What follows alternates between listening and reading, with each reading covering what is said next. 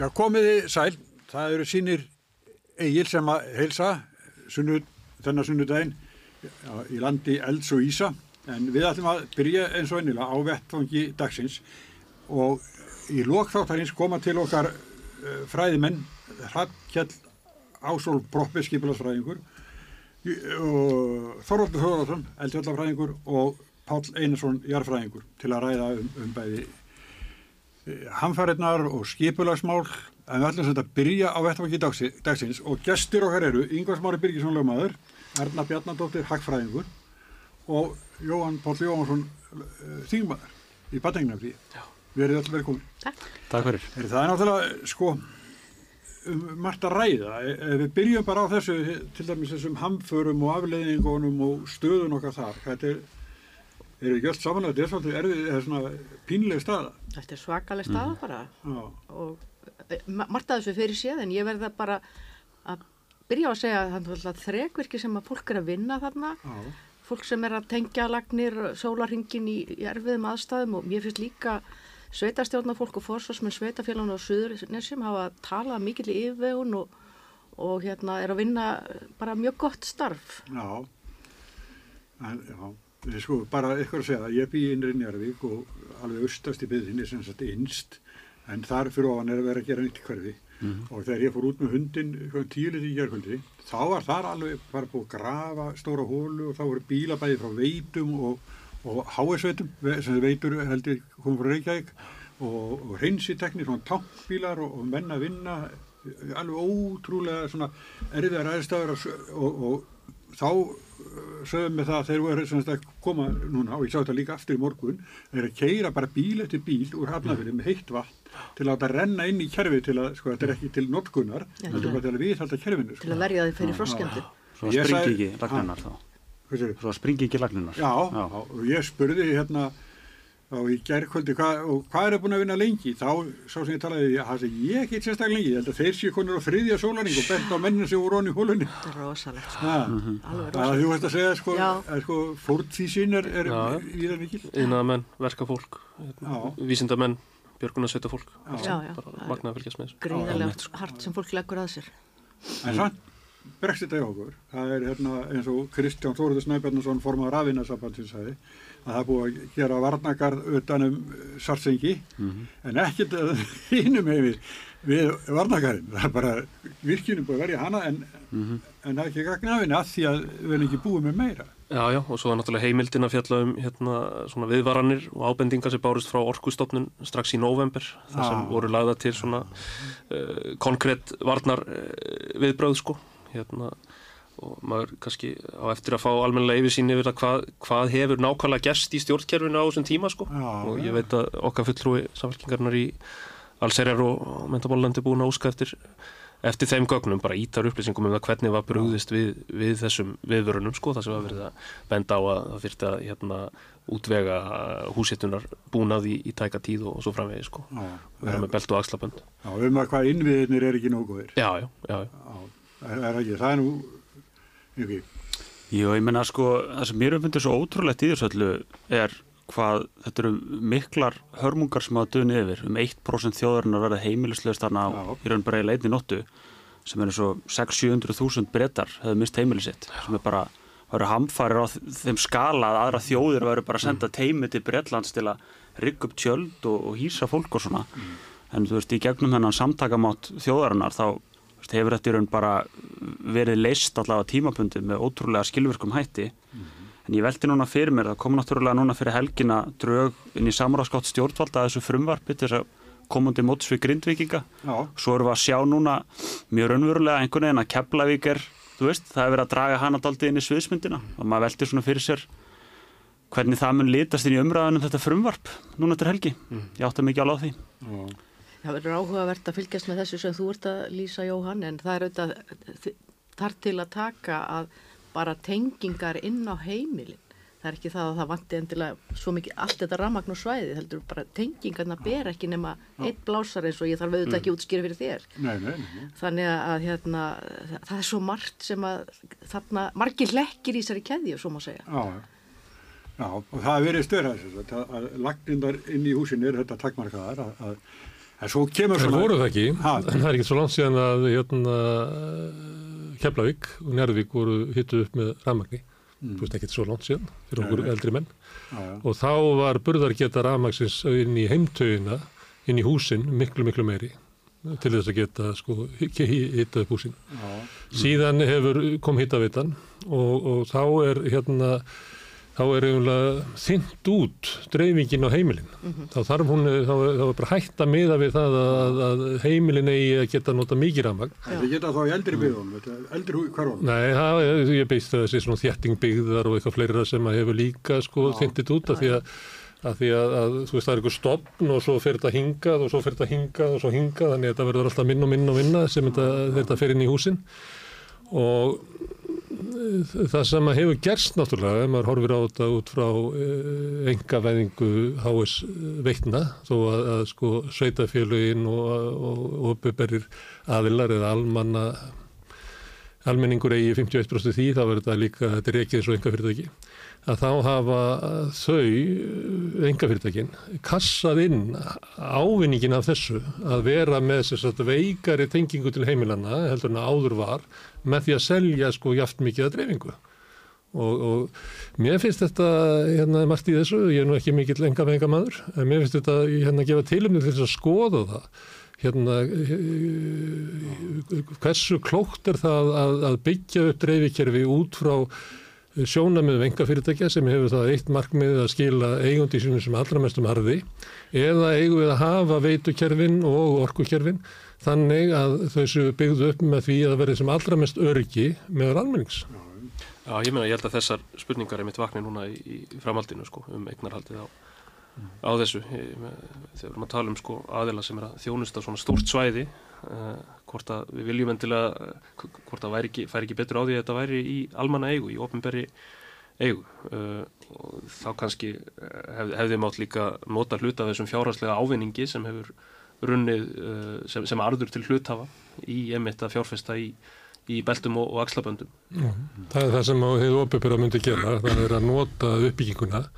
Ég meina, við meðum eftir símanum, post og sími gamla þetta, þeir voru alltaf með state of the art græjur sko, því að þeir bara tóku ávinningina reksturinu með því að byggja alltaf upp kerfið.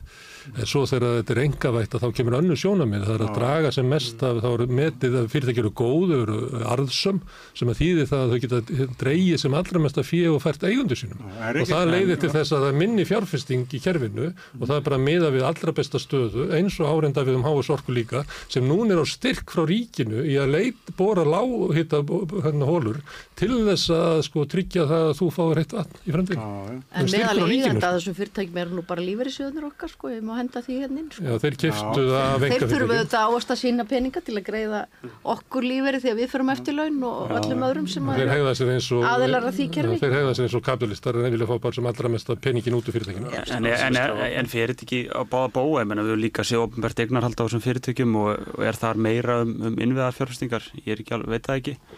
En við líka séð með orkuautinu í Reykjavík, þar sem að peningur hefur verið tekin út úr henni til þess að fjármagna rekstur borgarinnar. Þannig að þetta er ekkit einhlít að ef að svona fyrirtæki sé ofnbærum rekstri að það sé Nei. betur nýtt í þá Kanski með félagslegu, hérna, með félagsleg markmið í staðin fyrir sko markasleg markmið. Því að það, við, við þekkjum náttúrulega ríkisfyrirtæki sem eru bara rekin eins og þau séu bara enga fyrirtæki. Að horfa eins og bankanir, það er bara að horta á arðin sem kemur upp úr því. Þetta er ekki rekin með félagslegum sjónummiðum. En þetta getur auðvitað að fara hönd í hönd sko að vera með félagsleg markmið eh, og viðskiptaleg markmið að því leitun að þú ert að uppfylla þarfir almennings og neytenda með því að uppfylla viðskiptalegu markmiðin. Hvernig? Já, við tökum sér dæmi bara símafyrirtæki að þá getur þjónustan oft stór batna og getur verið að fara í betri fjárfestingur og innviðum til þess að geta selt betri þjónustu og náðu stærri hlutilda markanum og svo framvegis. Ég, við, En þannig eru við öruglega í grund og allar aðtröðum og Ég er samanlega. í- Vandi er náttúrulega líka með bara náttúrulega einokun eins og, eins og Já, það ég, er er ekkert annað fyrirtæki nei, ég bý bara á Íslandi og það, ég kannast ekki við þessa samkefni sko, bara því miður. Það er Ég bara að- samkefni í dagverumarkað, engin samkefni í tryggingum, engin samkefni í bankum, engin samkefni í, í neinu en á Íslandi. Ég er ekki alveg samanlegaður þar. Hvað er samkefni? Já, ég held að það sé samkefni hérna til dæmis í manduröðslunum og tekur það sem dæmi. Það er, ekki er á einni framlegð. krónu á hverju vöru á milli krónunar og bónus. Þetta er bara Það samkefni. lefum mér að vitna í Bjarnar Bendinsson. Fákeppni er líka samkeppni. Já, já. Þetta sagði hann einu sinni þegar rætt hann um samkeppnismál. Já, já. Býðum Þetta er höldum rétt. áfram með hitt. Hvernig við eigum að, að, að hérna, við erum að fá svona kannski ekki táa einhvern fyrir hvernig við hugum okkur í, í þegar eru svona náttúranfærir. Við áttum að geta verið búin að, að leggja aðra lög bara lengri í vestur og, og svo í norður að, að fytjum en það var ekki gert og við vorum bara með eina þarna og við, við, það vissuðu allir að, að það var hægt á að hún færi undir raun. Það hérna grinda ekki náttúrulega allt öðru sér dæmi, sko, það er svo skuggalegt, sko, það er þessar sprungur og... Það var nú búið að vara við þeim, eh, Páll Einarsson kemur hérna eftir, hann skrifaði grein um, um sprungurnar og hættun á uppbyggingu í Grindavíkur í 30 árum. Já. Þetta er búið að vita lengi, ég hef oft vitnað í það, ég þekki jarðfræk ágjörlega, hann segir að mér, sko, það býr engin jarðfrækur í Grindavík eða Vesmilin. Það hvað? Það býr engin jarðfræðingur í Grindavík eða Vesmilin. Til dæmis í morgunblæðin í gerð var áhugavert svona, svona baksviðsfrétt það sem að vera að revja upp skrif hjá jarðfræðingi, við hann þetta Jón Jónsson eitthvað mm. slitt, sem er þetta ágættist náttúrulega gíska hann heitir það ekki en, hérna, en þá var hann að skrifa fyrir einhverju 60 árum að, kæf, að fólki sem býra þessu svæði annarkort kynslaðum fyrir neðan hann eða þá barnaböndin hans myndi upplifa alvöru mm. hræringar þarna þannig að kannski er þetta að vera spámaður í einn föðurlandi og allt það en Ég held að það sem við munum gera á næstu vikum á mánuðum er að við munum auðvitað fara yfir það sem búið að gerast og sjá að það var fullt sem var ekki gert nægilega vel. Og ég held að það sé mjög auðvelt að horfa í baksinni speilin og segja þetta var algjörlega augljóst. Sumt að ég vissu margir að þýrt að gera en vissu kannski ekki að vera svona aðkallandi og svo framvegs. Mm og svo munum við svo alla stjórnmálaflokka held ég koma með sína tólkun á því sko hvernig við höfum getið að tekast betur út á, á við þetta með, með tilliti til þeirra hugmyndafræði sem er undir. En við mögum alltaf ekki gleyma sko, sko fólkinu sem er sko á planinu sem er að vinna að það er búið, margt er búið að fórna sér mikið, sko, vinna langa vinnudaga og erfiða og bara nærri hraunrensli og svona, þetta er svona, við sjáum myndir að segja. Þetta sé engin að gleyma því, sko, við sjáum þetta öll bara í beinum stöldingu, sko. Já, nei, að því að við erum að gaggrina, sko, þá er sko... Þetta er allt annað, sko, við erum góði viðbröði, við, við erum góði viðbröði og það eru hérna fólki á planinu sem að, að sinni viðbröðinu en við erum ekki góði fyriríkinni sem er Nei. það sem stjórnvölda eiga að sjá um.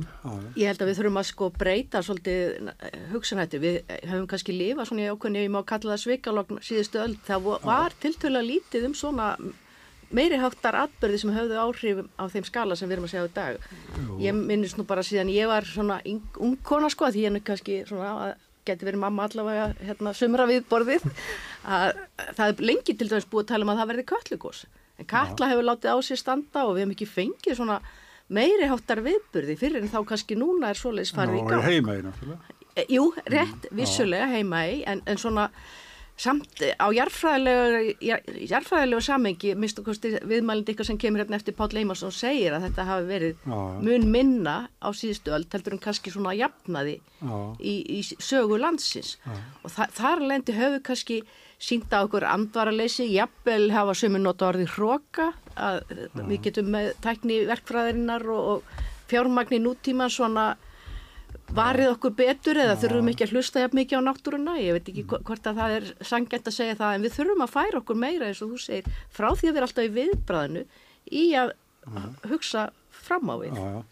Það var hérna, reyðið gamalt að Ólafi Jóhannesson, fórsættisraður, hann sagði þarna í heima í þannig að Vestmanni er munur ísa þannig að það varð en það er, það er náttúrulega alltaf revísi mál Já, Já. þar var ekki þessar sprungur Nei. sem að eiðilögðu undirstöður Nei. Hann sagði þetta reynda bara nokkru dögum eftir hvað sem byrjaði sko, í, í sjónvarsal þannig að hann Þetta var nú bara svona heróp út í loftið sko.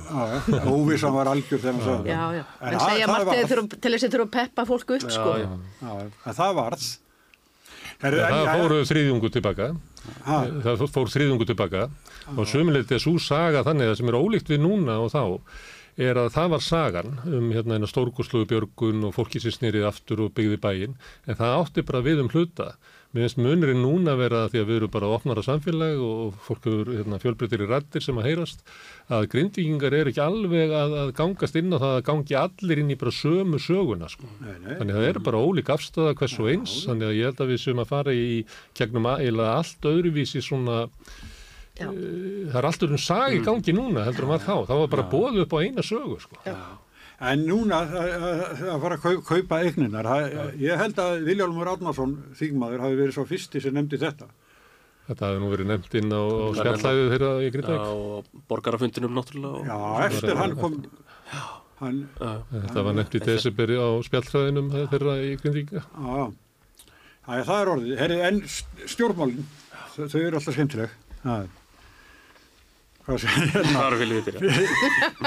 Ívar Smárið, það er hérna, að blæsi ekki billega fyrir sjálfstæðarflokkum. Nei, fylgið er aðeins lægra, jafnvel tölvert lægra en sjálfstæðismenn vilja geta vanist Já, og það eru þetta margir sem reyna að greina þessa stöðu og velta fyrir sér hvað nákvæmlega veldur og allir á að sína skoðun einhvern veginn á því og hérna á ekki fyrst að horfa fórustuna. Jú, ég menna að þú veist, það er, menna, við ræðum þetta bara fullkominni reynskilni, þá ætla bara kannanir sínt það að með lítið tröst til fórustunar meðal kjósenda Mm. og, og það er ekki mikil eftirspurn eftir fórustunni í fórsetis ráð þeirra hlutverkinu. Það er, það er bara það sem þessar kannanir sína og það er þá bara eitthvað sem það er að snúa við. Svo er þetta búin að gefa því undir fótinn að það verður nú mögulega einhverjar breytingar á fórustunni hérna á svona næstu einu tumur árum. Mm. Það er allavega, ég menna Þórtís Kolbrunn var að gefa það út hún ætli í formann svo er þetta spurning hvernig mun það skákborð raðast upp? Verður það kríningaratöfnu ekki? Ég held að verði engin kríningaratöfnu í þessum málum hjá sjálfstæðarflónum það verði kosið.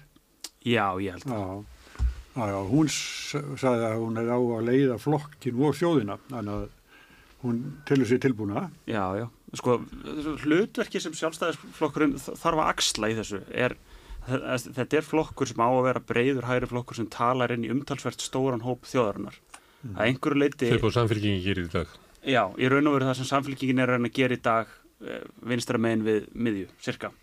Þetta hefur svona verið sögulegt hlutverk sjálfstæðisflóksins og þetta hlutverk höfum við aldrei mist frá okkur bara eins og þú veist pepperoni lengja þess að við missum bara hverjast ári þú veist eina sneiða fylginu og það, það er ég held að sé bara ekkit eitt sem spil inn í þú veist ég held að, að klárlega ímis einstök mál sem var að fórustuna hafa ekki hjálpað ég held að hjálpi heldur ekki að vera í ríkistjórn þar sem okkar sérkenni bara, og raun að sérkenni allra flokkan í ríkistjórnunni, nema kannski sjálfstæðarflós nei, framsónaflósin sem hefur engin sérkenni þú veist, að þau bara veginn- þeir eru bara hana Já. í þessu, að, að þá er bara erfitt að ná skýrskotum til kjósenda og svo þetta bara er þessi veruleiki sá að við erum með tvo flokka sem eru sækja inn í fylki þeirra sem eru svona borgarlega þengjandi og kannski er samfélkingin einhverju leiti líka klukka sinni það núna, þá er að tala um viðreysn og miðflokkin. Þannig að þetta er ekkit uh, einfalt en ég hugsa að, veist, að þessi endurist hún, hún muni byrja með þá mögulega formannskiptum þegar að því kemur. Já, og þú veist, eh, komin tími á björna. Hvenar? Nei, er það bara kom, er, er komið? Ég, Bjarni mun ekki leiða sjálfstæðarflokkin í næstu kostningum, þetta segir það? mér finnst það ólíklegt miða við að varaformaðurinn er búin að taka við fjármálarandinu og búin að segjast alltaf að vera formaður flósins. Það er ákveðin vísbending held ég um að það sé Já. mögulega eitthvað að fara að gerast. Já. Og ég er ekki að reyna að tala undir rósina, ég veit það nei. sem meir um það en þið sko. Já, já. Nei, nei, en það er hérna, eh, hún og Bjarni er elvis búin að tala um það saman áður en hún kemur með svona yfirlýsingar. Eða er það ekki?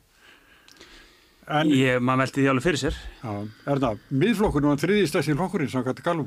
Já, það er bara góð tíðindi fyrir miðflokkin, að sjálfsögðu. Já. Þú ert þar? Já, já, ég er þar. Ég held að það með nú kannski, eh, ég, ég hygg nú að Bergþór og Sigmundur sem eru þetta andlit flokksins út af við, þeir hafa lagt sér fram um að tala samfelt, þeir eru ekki að hlaupa til með sínar, hvernig þeir tala út af við til hérna samfélagsins og hérna sérstaklega kannski í ríkisfjármálunum held ég að þeir hafi skapað sér nokkra sérstuð og, og viðreist hefur svona sótt inn á þann vettvang í kjölfarið. En uh, sjálfstæðisflokkurinn sem að allavega í orði kveðni hefur verið ta talað um að vera talsmaður þess að, að halda ríkisútgjöldum í skefjum hefur einmitt sótt sér bara lán til að auka ríkisútgjöldin. Og það er ekki sjálfbær stefna sem að kjósundur ætti á sér sjálfsögð á. Já. En er ekki flokkstarfi í gangi, þú veist bara tveið þingmenn? Jú, jú, það er Já. flokkstarfi í gangi. Já, já, það eru, hérna, nú þorrablóti gerkvöldi sem ég var að neyta mér um að fara á þegar gangna veðurs í hverja gerði, en hérna, Já. jú, jú. Mér finnst þú svona, sigmundur svona... Reglulegi fundir með og fáum uh, fólk til að tala og, og Mér finnst hann svona slá svona létt að stringja, hann svona, svona líði bara vel, sko. Það líður öllu vel þegar það er að vaksa í skoðanakonunum. Já, nei, ég bara, ekki bara nú, svo, bara Já, já, því hann hefur búin að vera að vaksa sko. í eiginlega heilt ár, sko, Já. já, hann er í stuði.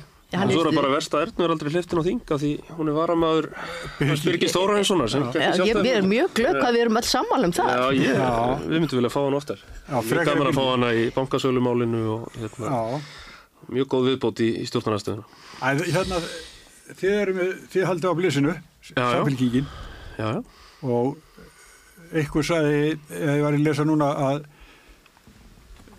stefnan væri mjög óviss, eins og væri bara að taka óana í fylgi frá öðrum. Já, ég held við séum einmitt kannski með, með skýrari áherslur og, og skýrari stefnu heldur en ofta áður sko. Við erum að Já. setja rosalega fókus á velferðamálin og hérna um leið etnaðslegan stöðuleika og, og vöxt. Við erum núna í hérna, málefna starfi um atvinnu og samgöngur að heimsækja fyrirtæki, verkalýsfélög út um alland, uh, móta mjög skýra stefnu þar um það hvernig við viljum auka framleiðni hérna á Íslandi og, og vaksa á næstu árum.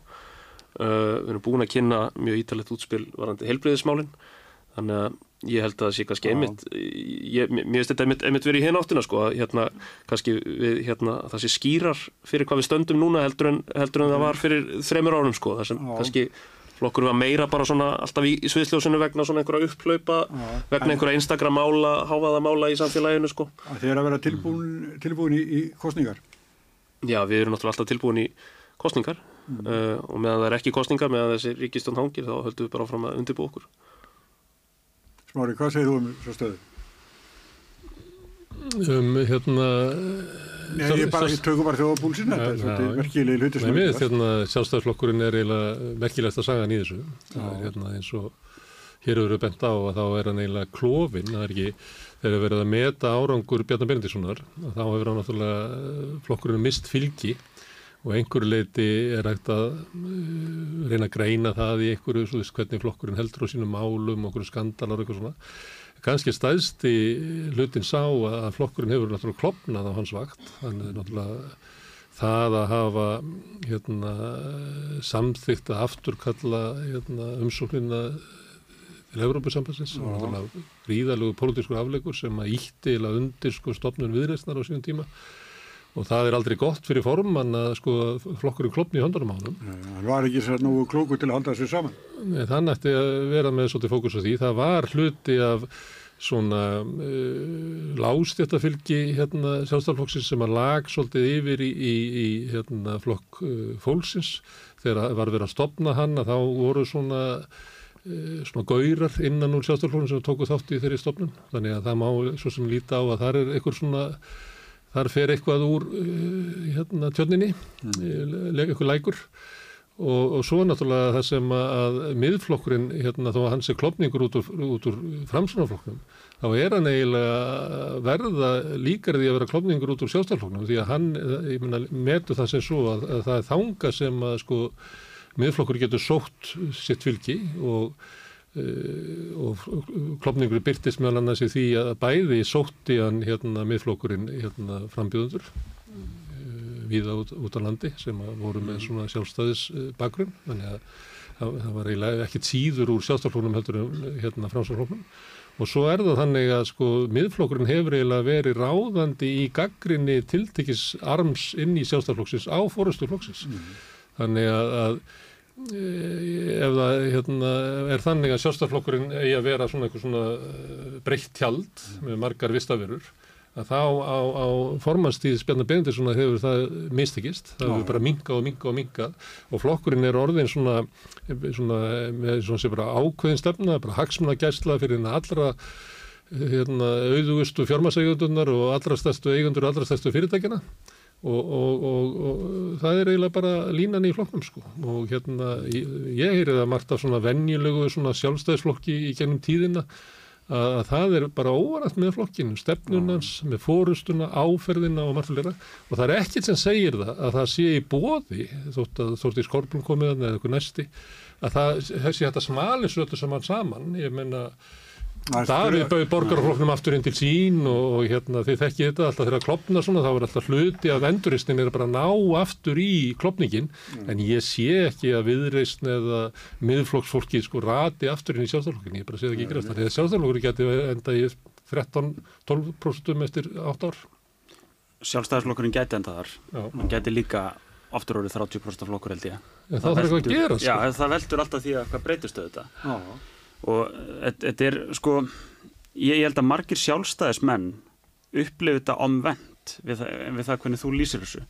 Það er að segja, sko, sjálfstæðisflokkurinn sé ekki endilega eitthvað, talsmaður útgerðarinnar og hennar ríkustu í landinu og eitthvað slíkt þegar, þegar við horfum á sjálfstæðisflokkin í ríkistjórn séðsliðin ár um, þá, þá horfum við á það að hann hefur frekar finnst mér reynda klukka mjög marga hópa það er verið svona ákveðin sátum að auka ríkisútgjöld reyna að gera sem uh, svona, þú veist, mest fyrir alla einhvern veginn og við sátt og samlendi við aðra flokki í ríkistjórnun að koma einhverja ástændingarsteinur og svona. Og, og það sem ég upplifið frekar er að sjálfstæðarflokkurinn hefur ekki náða afmarka út af við hver er stefnaflokksins nákvæmlega og þá fara aðrir ofta að gískupi eðinar með það. Og það gerist sérstaklega í því umhverfi þar sem við náum ekki nefnum stefnumálum raunverulega fram. Og þegar þú ert í ríkistjórn í 5, 6, 7, 8 ár þar sem sjálfstæðarflokkurinn horfið tilbaka og getur valla nefnt sko eitt eða tvö eða þrjú mál þar sem að getur sagt hérna náðu við eh, svona einhverjum hugmyndafræðilum framförum í takt við það sem við viljum. Auðvitað kvarnastæði fylgið. Fólk er í stjórnmálum vegna þess að það talar fyrir einhver ákveðinni sín á samfélagi Bjarni nefndi stöðuleika framlegin sko þegar hann er spurður. Þegar hann er fyrir vörn. Það er stöðuleika framlegin og þau voru hvað fyrir 8 ára með eitthvað Já, já. Bara... Og höfundur var Sigur Nei, er þetta ekki bara það sem er að gerast líka bara, svo brekkum aðeins umræðan hjá öllum stjórnarflokkurinn, þeir eru einhvern veginn það er að sína sig að þetta er þessi stjórn sem nær frá hægri til vinstri að það lenda allir í þessu að þeir geta ekkert sagt býtu hvað voru hvaða stefnumálum voru við að ná fram og, og, og setja mark okkar á samfélagi til framtíðar? Eða er við En, en pólitísk, hver er Bjarni Benediktsson ef hann er svona uh, er hann hérna svona tækifæri sinni frá hægrinu síð sem að það bara Nei. ferðamanna bólan kemur og það flæði inn einhverju peningar og þessi ríkistótt myndu til þess að bara eigða peningum. Ég held að hún hafi verið myndu 2017 hérna, til að eigða peningum. Bjarni er, ég myndi lýsa honum sem mjög pragmatískum hægrumanni. Mm. Hann er ekki hugmyndafræðilegur frjálsökjumöður. Hann myndi ekki lýsa sér þannig sjálfur. Hann kemur ekki úr þeim rammi, sko. En við hvað er að tala um? Hverjir eru þá bakjallar hans pólitíst mm -hmm. hann er ekki einn sko, hann er, hann er með einhvern hóp í kringu sem það ég var með hérna áðan var kannski með því að tala um allra stærstu eigandunar og mm. allra ríkast það því að er, ef að SA gefur ykkur að línu þá er það lína sjálfstaflokksins ef LIU eða SFS gefur línu þá er það lína sjálfstaflokksins sjálfstaflokkurinn er alltaf eins og viðskiptaráð, hann er alltaf eins og sko bara think tank og baróttu sveitir hinn að allra ríkustu. Og ég man ekki eftir einu augnabliki þar sem að eitthvað vatnar hann á milli sko. Ég er nú ekki alveg sammála, ég menna mm. Bjarni bara tökum sem dæmi með akrilddeluna þá fór Bjarni í hartu útgerðunar sem dæmi, mm. hótaði því að hækka skattaður að myndi að halda áfram þessu málaræstri það er ekki þannig við smur að Bjarni eldi þessi samtöki í, í öllum málum. Auðvitað er ákveðin svona samkverfa eh, meðan sjálfstæðisflóksins og þessar reyfinga því að það er oftar en ekki sem það kannski verið að tala í átti laukis viðskiptafrelsis en ég held að það liggi fyrst og fremst þar.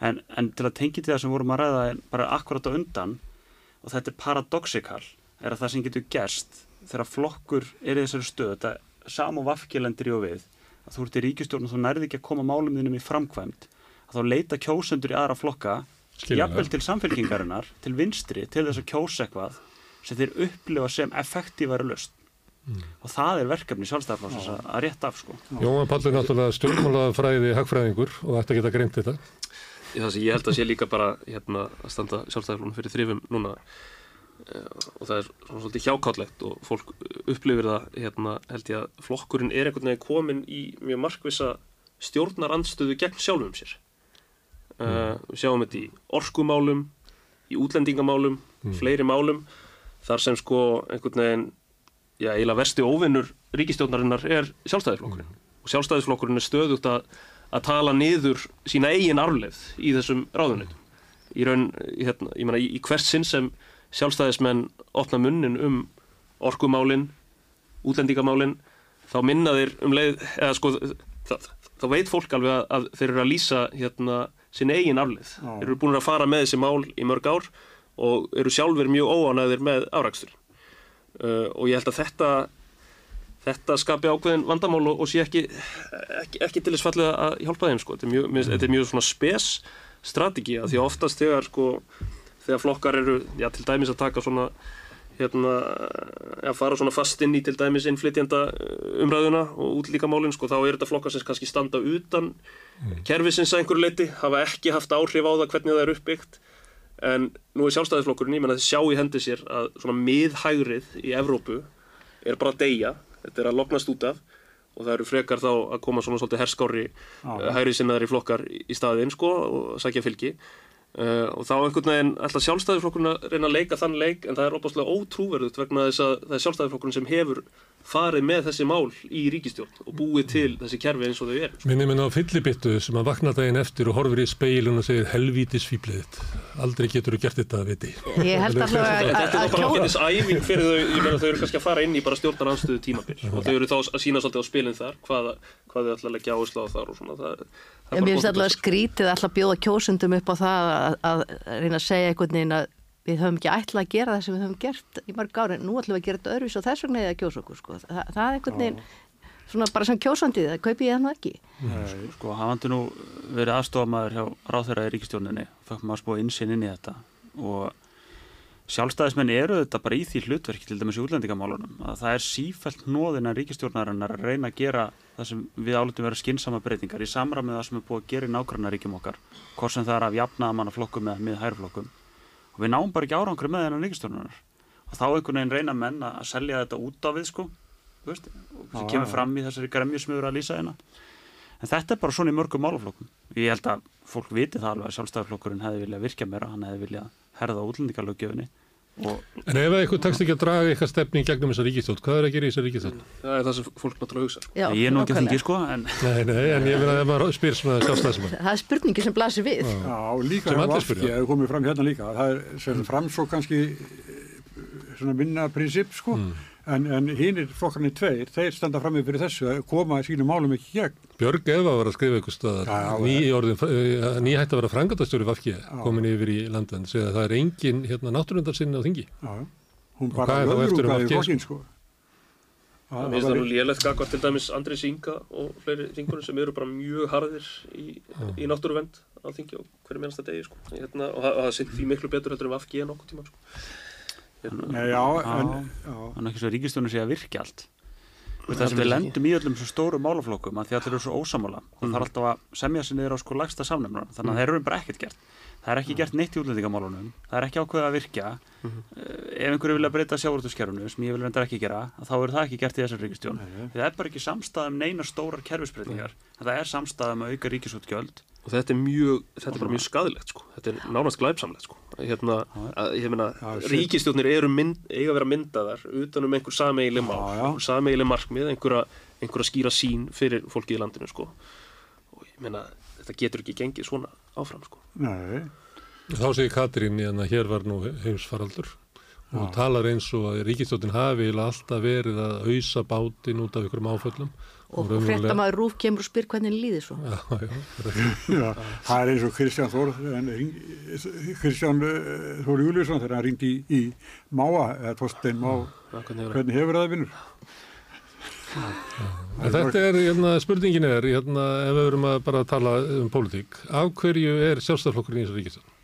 Af hverju slítur hann ekki? Er það af því að hei, heiðusmál megi ekki slíta ríkistönd? Já Ég held að það sé mjög ríkt í sjálfstæðisflokkum að ljúka þeim verkefnum sem það byrjar á. Þú er að vinna þá verkefnum? Þegar ég er ekki, þú ert að segja það, þau komast ekki áfram. Já, ég held að þingmenn sjálfstæðisflokksins hafa engan sérstaklega áhuga því að slíta ríkistjón núna meðan það er einhvern veginn bara hörmungar að dinja yfir þjóðina og svo reyndar, þú veist, hefur það verið að gera með til til að reglulegu millibili síðastliðin ár. Það er líka mjög skadilegt, sko, þegar það, hérna, á svona erfiðum tímum að vera, að vera með ríkistótt sem fólk ber svona lítið tröst til, sko. Já. Það er líka bara mjög vond, sko. Og það er erfiðara fyrir slíka ríkistótt. Það er heldur ekki bóðið að fara út í kostningabartu núna. Nei, nei. Þú eru að fara í fórstagkostningar, glugginn til þannig á þingkostningum í voru er bara að lokast. Sjá okkur ekki, er að hlusta okkur í útarpi þá er það gestir okkar bræðra eru Yngvi Smári Byggjusson lögmaður og fyrir hann dagstómaður Jón Skunnarssonar Já, Yngvar Smári. Yngvar Smári fyrir, fyrir og Erna Bjarnadóttir hagfræðingur og varaþingmaður hérna miðflóksis í Suðukjörðami og Jóhann Páll Jóhansson þingmaður samfélkingarinnar og svo sem sagt sýtjum við bræðinni hérna og með þessa fínu gesti. Mér finnst þetta áhugaverða greiningar á stjórnmálunum hérna, á Já. Það sér ekki alveg svona lausnina, við setjum uppi með ríkistjótt sem að ekkert getur gert og ekki heldur hætt. eh, en þetta er hérna, já. En auðu okkar beinast mjög mikið að sjálfstæðisflokknum en staða hans er í, sko sögulega mjög merkileg. Þetta er flokkur sem að sko með 80% núna er eh, 16 Þetta er svona starri saga, því Já. þetta er náttúrulega búið að vera valdaflokkur hérna allan lífveldistíman. Já, Með framsókn náttúrulega er eitthvað að fara niður og upp og en það verður bara vönd því að það er bara eitthvað bátur sem að eða eru þau með er eitthvað saga á bakvið framsóknarflokkinu? Framsögnarflokkun á náttúrulega langa sögu. Það er einn af elstu flokkonum í, í samfélaginu. Það, það er þetta. Hann hefur svo oft skipt rætur í andlit. samvinnurhefingunni Já, já, ég var nú í saman í skólanum og að maður, þetta, alveg upp í þessu umhverfi. já. En, en eins og segið, það hann er kannski skipt um Já. ásýnd, sko. Ég myndi segja að sögu framsóknarflokksins svona, hann var í upphafi var þetta flokkur stjórnmálarmur samvinnurhefingarinnar, síðan gerist þetta flokkur komissarlanna inn í SÍS, svo gerist þetta flokkur þeirra sem rændu eignum samvinnurhefingarinnar og ég er bara ekki hugmynd um hvað flokkurinn er að gera í dag. Sko. mjög góð greining Ég að segja bara no comment, ég hef aldrei verið í að Þetta er stutt bókja þeirra frábærlega til að lýsa þessu En það er samt svolítið til í þessu sko. eins og hérna banka ykkarvæðingunni og þetta Já, sko. þá var þetta bara gæjarnir sem að tóku eigninnar sem að flokkurinn var að þjóna. Já, Það er alveg hryllilegur kapli í sögu hérna flokks sem að er náttúrulega samvinnurhefingin var stórkostlega hérna. algjörlega stórkostlega. Komið nútíma til Íslands, það er bara þannig. Já, já, og hérna, þetta var náttúrulega bara gríðalegt mikilvægt afl á landsbyðinni á sín tíma. Já, já. og- Byggðu upp atvinnulíf og mentun jafnvel já, eða átti hluti því og Sjáum svona. þetta hér á skólum og þetta sem voru Akkurat, hér að skólanir sem ég var með í huga. En má ég spyrja ykkur, hérna, yngvar, og hérna, haldið þið að samfélkíkin haldið þessu flugi til kostninga þeim takist að halda niður í sér andanum og landa 25-30% fylgi?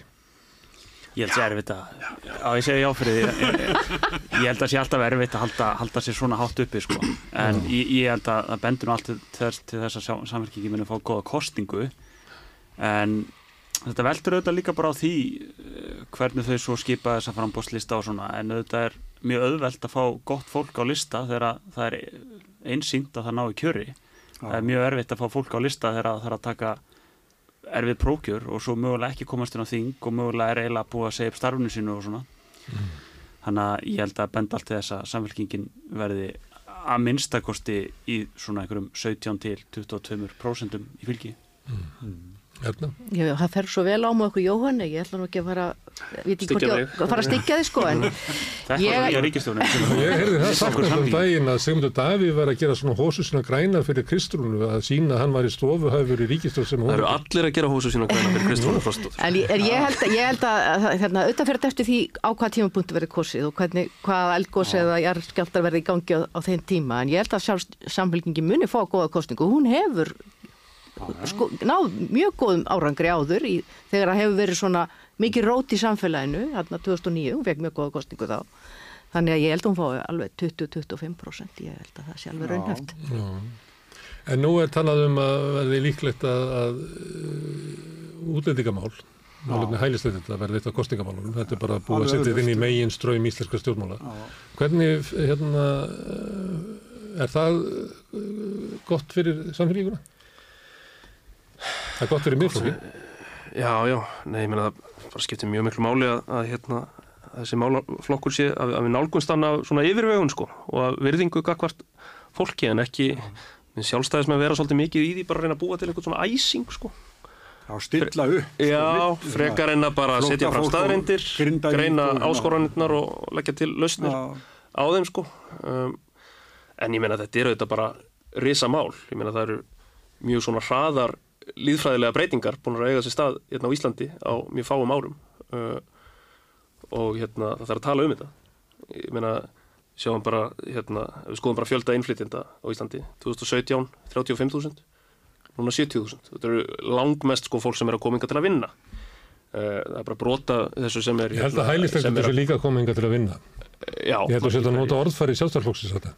Það veitur verið hælisleitur bara að koma hinga til þess að vinna, fá að búa hérna, Já. búa við öryggi og vera hluta samfélaginu. Það er ekki að þannig sækja um- hælisleitur séu að sækja um eitthvað annað, sko. Þeir eru að sækjum vernd samt undan of, ofsóknum.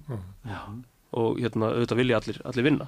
Og hérna og eins og ég meina, Venezuela, ég meina það er, það er mjög hátt atvinnu hlutfall þar, ég held að hvort það er ekki bara hærra heldur en atvinnu hlutfall hérna innfættra sko. Þannig að en hérna þú veist þetta sko hælisleitendur, umsækjendur um alþjóðlega vend er bara, er bara brot af öllu þessu fólki sem er að koma um, og þetta er mjög kærkomin viðbót í samfélagið okkar, þetta skapar líka ákveðnar áskoranir, þetta er eh, þessu fylgir ákveðið álag á húsnæðismarkaðinn, á ofinbæra þjónustu og svo framvegis. Um, Já, við þurfum að tala um þetta, hvers konar innflyttinda stefnu viljum við, hérna, viljum við á hans sé drifin svona opáslega áfram af bara hérna, því að, að flytja inn ósérhæft vinnuafl uh, fyrir atvinnugreinar sem hérna fyrir mjög mannaflsfrekar atvinnugreinar, eru við of mikið að íta undir uh, atvinnustarfsemi sem kallar á lálöna vinnuafl Menni, þetta eru uh, mjög stóra spurningar og við þurfum að ræða þetta af sko, yfirhugun án þess að vera einhvern veginn að hérna, já, eins og sjálfstæðismenn er að gera veist, bara til dæmis þessi fæsla bjarna það sem hann talar um við þannig fólkið í tjaldbúðunum sem hérna á- ástvinni og ættingja í Palestínu í sprengjuregni og er einhvern veginn að spyrða fólki saman við sko alþjóðlega glæpastar sem þetta er bara ósmekklegt og þú veist þetta er, þetta er bara allt og, allt og hérna mikilvæg umræða til að fara með hana niður á eitthvað svona plan sko. Hérna, Ég, ég segi bara ef að Sigmundur er að stíðu vangi við Kristrún þá fyrir ég að stíðu vangi við Jóhann því ég get nögulega bara tekið undir eins og hann setur þetta hérna fram. Það þarf að tala um þessa hluti og það er ekki heldur hægt að hafa ríkisjóð galopin fyrir útgjöldum eh, stjórnlust í þessum málaflokki. Ég held að hérna það, það væri bara allavega nokkuð sem ég get ekki tekið undir en og en þeir sem er að koma hérna að sækjum vend, þeir eru, að, eru á flótta. Þeir eru ekki í atvinnuleit eins og fólk sem kemur hinga og er kannski búið að fá starf áður en það kemur til að vinna. Og, og það, þetta er fólk líka bara í, sem er að koma úr skelvilegum aðstæðum. Það, er ekki vinnufært, Já, það sem fólki vil gera í okkar samfélagi er nákvæmlega sama, þó svo tilefni fyrir því að komi hinga sig öðruvísi. Auðvitað stefnir það á það að vinna. Það vilja allir sjá fyrir sér. Það, það er auðvitað alveg á hreinu. já. En- Já, já, Sko, mér finnst sjálfstæðisflokkurinn hafa nálgast þessi mál bara í raun og vera yfir, yfir vegun. Það sem hefur hins vegar ekki verið yfir vegað er hvernig umræðan hefur átt sér stað. Það hefur bara verið þannig síðastliðin ára á Íslandi að ef einhver tjáu sig um útlendingamál þá fer ríkisútvarpið og fleiri fjölmiðlar og gjörsamlega brjálast. Og við höfum séð þetta byrtast í svona ákveðinu svona finnst mér, svona æsifrétta mennsku þar sem að hérna það er, hvað maður að segja hérna svona reynda að íta umræðinu daldið út í horn á, á þeim fórsendum að þeir ekki að taka hana og, og, og, og slíkt. Og það sem við höfum séð gerast á Íslandi núna á skömmum tíma við setjum þetta í samingi við þessa innflytjenda umræðu sem að Jón Páll kom inn á að það eru þetta munur á þeim sem kom inn á EAS og kom í gennum hælislendakerfi er að við höfum ríkar félagslega skildur kakvar þeim sem kom í gennum hælislendakerfi það eru íbúður og framfærsla og alls konar slíkt. Þess vegna við líka séð það bæði hér eins og í Evrópu þeir sem kom í gennum það kerfi eru með læri atvinnu þáttöku og mun líklegri til að festast í viðjum félagslega kerfisins. Við höfum blessunarlega verið að miklu leiti laus við þetta vandamál í Íslandi enda með allt aðra líðfræðilega samsæningu okkar hælisleindum enn í Európu. Það sem við höfum séð gerast núna síðastleginum árum er að við erum búin að vera hlutfalslega uh, með kannski álíka margar umsóknur um vernd og bara Greikland og Ítalija verst létt hjá þeim. Og það sem mun gerast hér, alveg eins og hefur gerst í Skandinavíu, að ef að þetta verður svona í einhver ári viðbót þá munum við glíma við öll sömu félagslegu vandamálin sem af því hljótast og við því gerast í Svíþjóð, Danmörku og Noregi og það, er, það, þarf, það þarf að taka sumræði Það er svolítið ólíkt í svona, uh, hvað sé maður, líðfræðilega samsettingin á, á innflytjendum á Íslandi og í til þessu í Svíþjóð. Ég slóði nú eitthvað starf ef við værum með jaftmarka frá miðausturlundum og var í Svíþjóð, það eftir að vera 36.000 manns á Íslandi. Það eru þetta út af því að massin af okkar innflytjendum hafa verið að koma í gegnum EAS, Mm. það er semst vinnuafl frá Östur-Európu en í gegnum hælislindakerfið þá verður þetta verið Venezuela og Úgræna þó þessi mjög vaksandi hinn þjóðabrotin líka á meðan að í, í Skandinavíu hefur þetta hafa þeirra meginstefnu til að vera að fá hælislendur frá að mitt með Östurlöndunum Mm. og það hefur gengið erfilega En verður þetta ekki mál sem að verður snúið fyrir samfélgíkuna? Nú er samfélgíkin var svona framarlega í því að, að ræðum þessi mál út frá svona mannúðasjónamiði að við verum að horfa á það að flottamannaströymurinn er að aukast og við verum að axla okkar ábyrð og út frá svona mannúðarsjónamiði en maður heyrir að það komið svona nýr taktur þegar við farin að taka eitthvað skref í áttina metti í Danmarku. Ég meina við bara tölum um þessi mál út frá, út frá okkar gildum og gildum jafnaðastefnunar. Það er ekkert að, að að breytast þar. Þurfum bæðið að vera með hérna, skilvirt kerfi og mannúlegt kerfi. Stefán Einar Stefánsson satt hérna í þessu seti sem ég satt í hérna við Rauðaborðið og ræði þetta og hann sagðist alltaf að kjósa samfélkinguna því að hann var í svo ánað með innflytjastefnu ykkar. Já, mér finnst það mjög... Þú veist ekki ánað með það? Jú, mér finnst það mjög fyndið bara. Hérna, bara velkomin Stefán.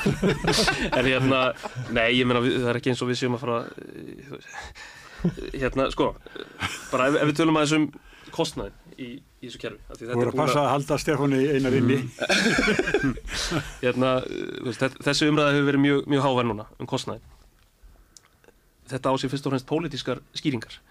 Við erum með annars vegar Úkrænu, sem er þver pólitísk samstæða um að taka mm. vel á móti þessu fólki sem er að flýja innrás rúsa. Uh, svo er það meðhandlun Venezuela umsóknara Þar gerist það árið 2019 að hérna farið er að veita fólki viðbótavernd uh, og umsóknar eru settar mm. uh, efst í bunkan, fólk fær umsóknir samþygtar í raun óháð einstaklingsbundnum aðstæðum og þær eru hérna uh, afgreitar miklu miklu hraðar heldur en tíðkast hefur áður í kerfinu. Uh, og þetta auðvitað bara virkar sem ákveðin segul, þannig að við að senda skilabóð til fólk sem að koma hingað. Mm senda skilabóðum að við munum taka fólki frá Venezuela opnum örmum uh, og svo þegar stjórnvöld fara að reyna að bakka með þessa framkvæmt fara að leita leiða til að hérna, bakka með þetta og hérna, þá er fólki látið býða án þess að um, umsóknir þessu samþittar eða, eða, eða þeim sinjað í hérna oft, ég held að í einhverju tilvíkum meir en 200 daga sko 150 dagar að meðaltali sko og þetta, þarna hlæðist upp kostnaður, húsnæðisúrræðin springa uh, meina, þetta er að gerast á meðan við erum að taka á mótöðlu úkrænufólkinu þannig þarna er bara ákveðin framkvæmt uh, sem já, virðist hafa tengst í meðal annars bara ríkistjórnin á þessum tíma var að taka mjög eindregna afstöðu gegn þáverandi stjórnvöldum í Venezuela, mjög slæmum stjórnvöldum uh, hérna, og, og að viðurkenna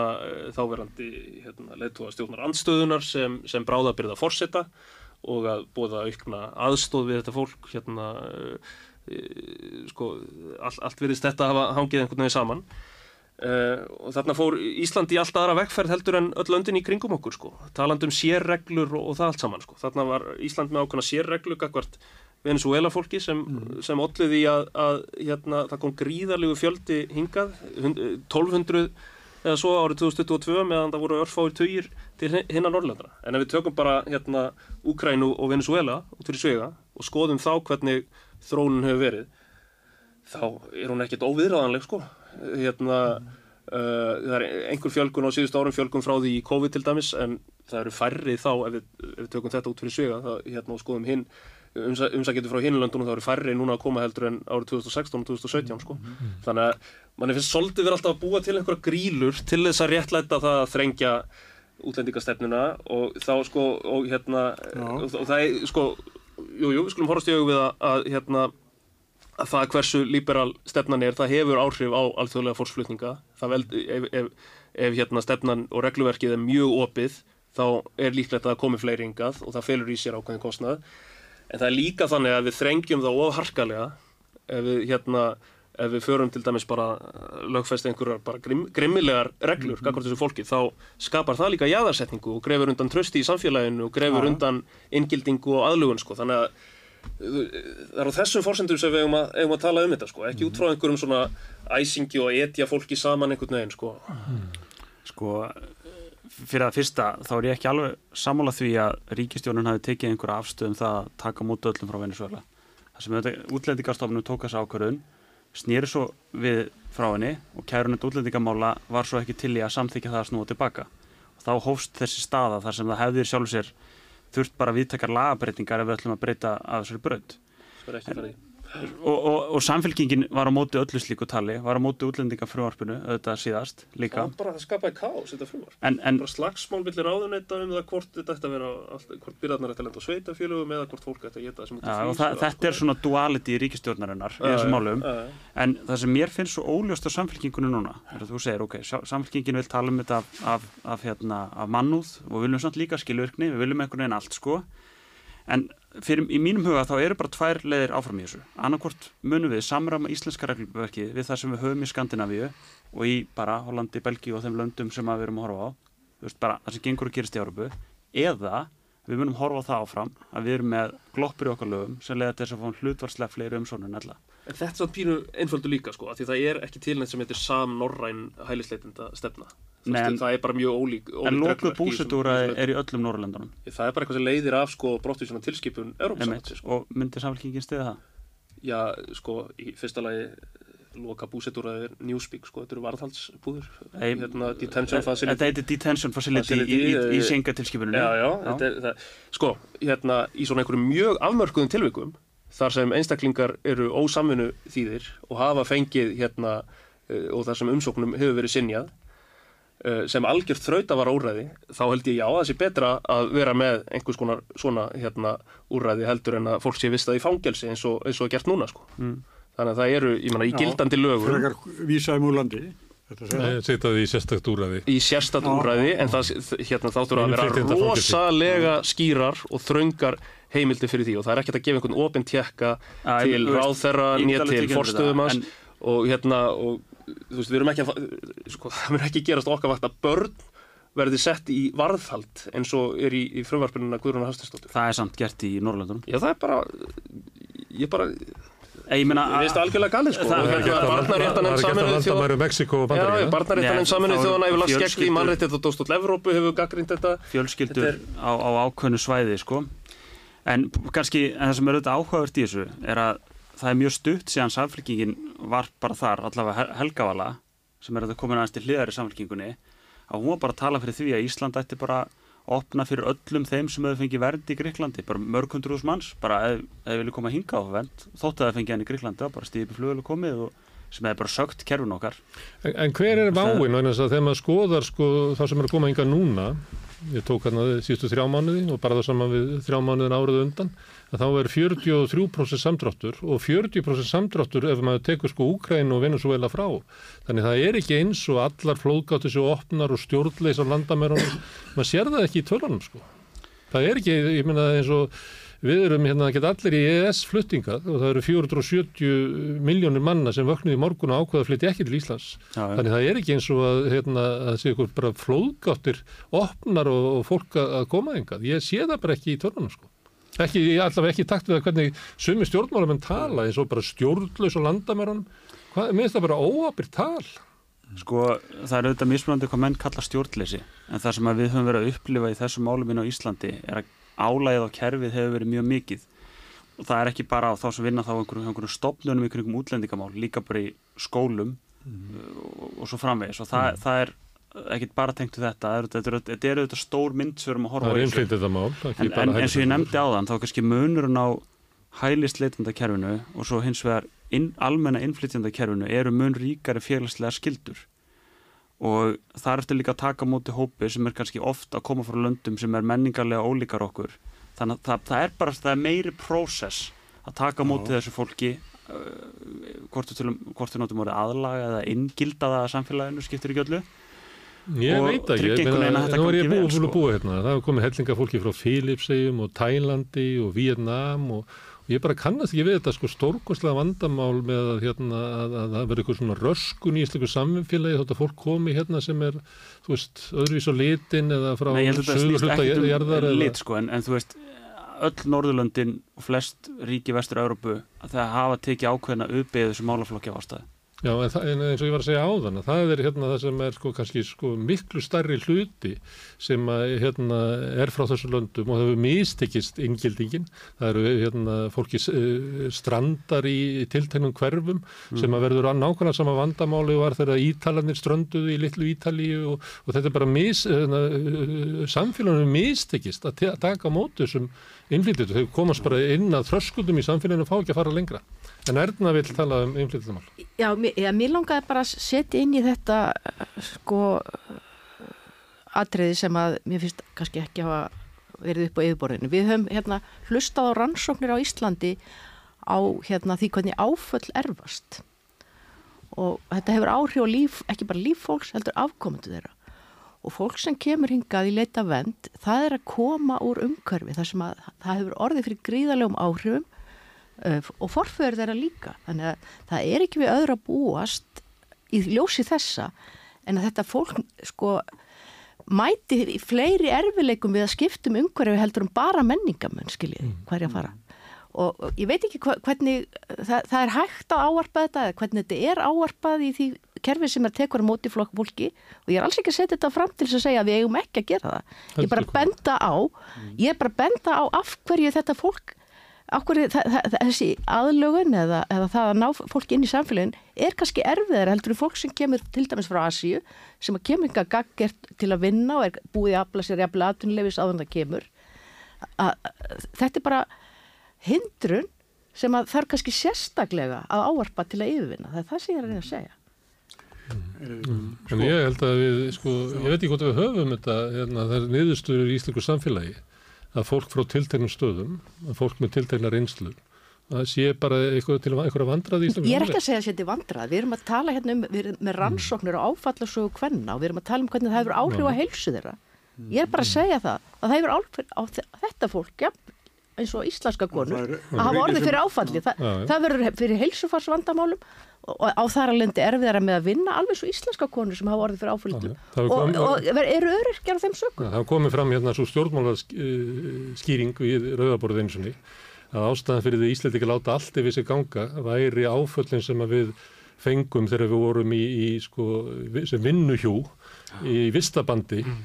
Algjörlega ófrjálst fólk sem að gistum inni hjá aturreikundanum okkar með hérna með repsómaga upp í hjá okkur og það sé ástæð fyrir því að við hérna okkur tekst að hýtla að Ég búa er til ekkert að segja þessi ástæð fyrir ykkur, ég er bara að reyna að vika umræðina Já, já, við hvað við erum að fást. Já, ég skil alveg hvað þetta segja. En maður myndi vilja fá sko þá hverju rannsónir á því að þetta sé svona í íslensku samfélagi. Við getum ekki verið með getsagnir. Já, við, við höfum heyrt í þessum rannsókum á áfallasögu að þetta, að þetta hefur þannig áhrif á heilsu fólks að það er jafnvel ekki til fullra vinnu Mm. og áföll, það er búið marg segja okkur áföll erfast Já, við tókum á móti hér hérna konum, eh, einstæðum mæðrum eh, sem að komu til Akranes og víðar.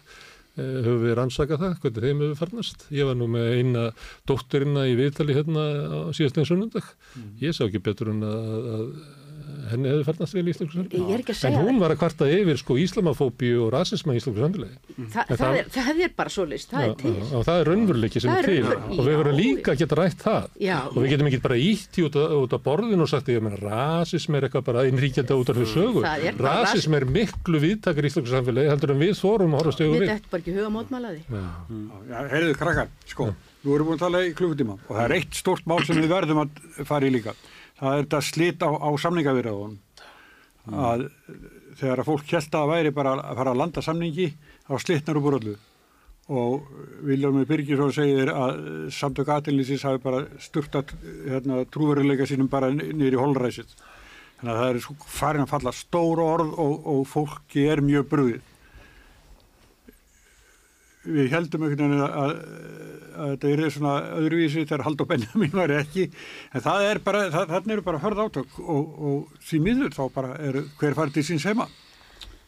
Já, maður veit ekki alveg hverju maður á að trúa sko, orða móti orði sko, Já, þú veist, þetta slitnar og það er sagt, heyrðu, SA vil ekki fórsend ákvæði, svo koma SA og segja, heyrðu, við viljum það svo sannarlega, en þetta snýst um eitthvað aðeins, aðeins flóknara, þannig að þau kannski vilja fórsend ákvæði, en þau eru ósamvalum fórsendunar í fórsend ákvæðinu, þannig að, Mér finnst þetta að sína svona bara að það er bara ríkjandi vantraust Þetta bara, Já, En svo er allt, hérna, eitt fyrst mér alveg galið, það er þessi umræða um að með því að aðila vinnumarkaðarins uh, setja inn fórsendu ákvæði það sem er meðal annars verið hérna, einhver, einhverja væntingar um að, um að vakstastig verði hi- svona eða hinsegin eftir einhver ár sko, að það sé aðförað sjálfstæði seðlabankans.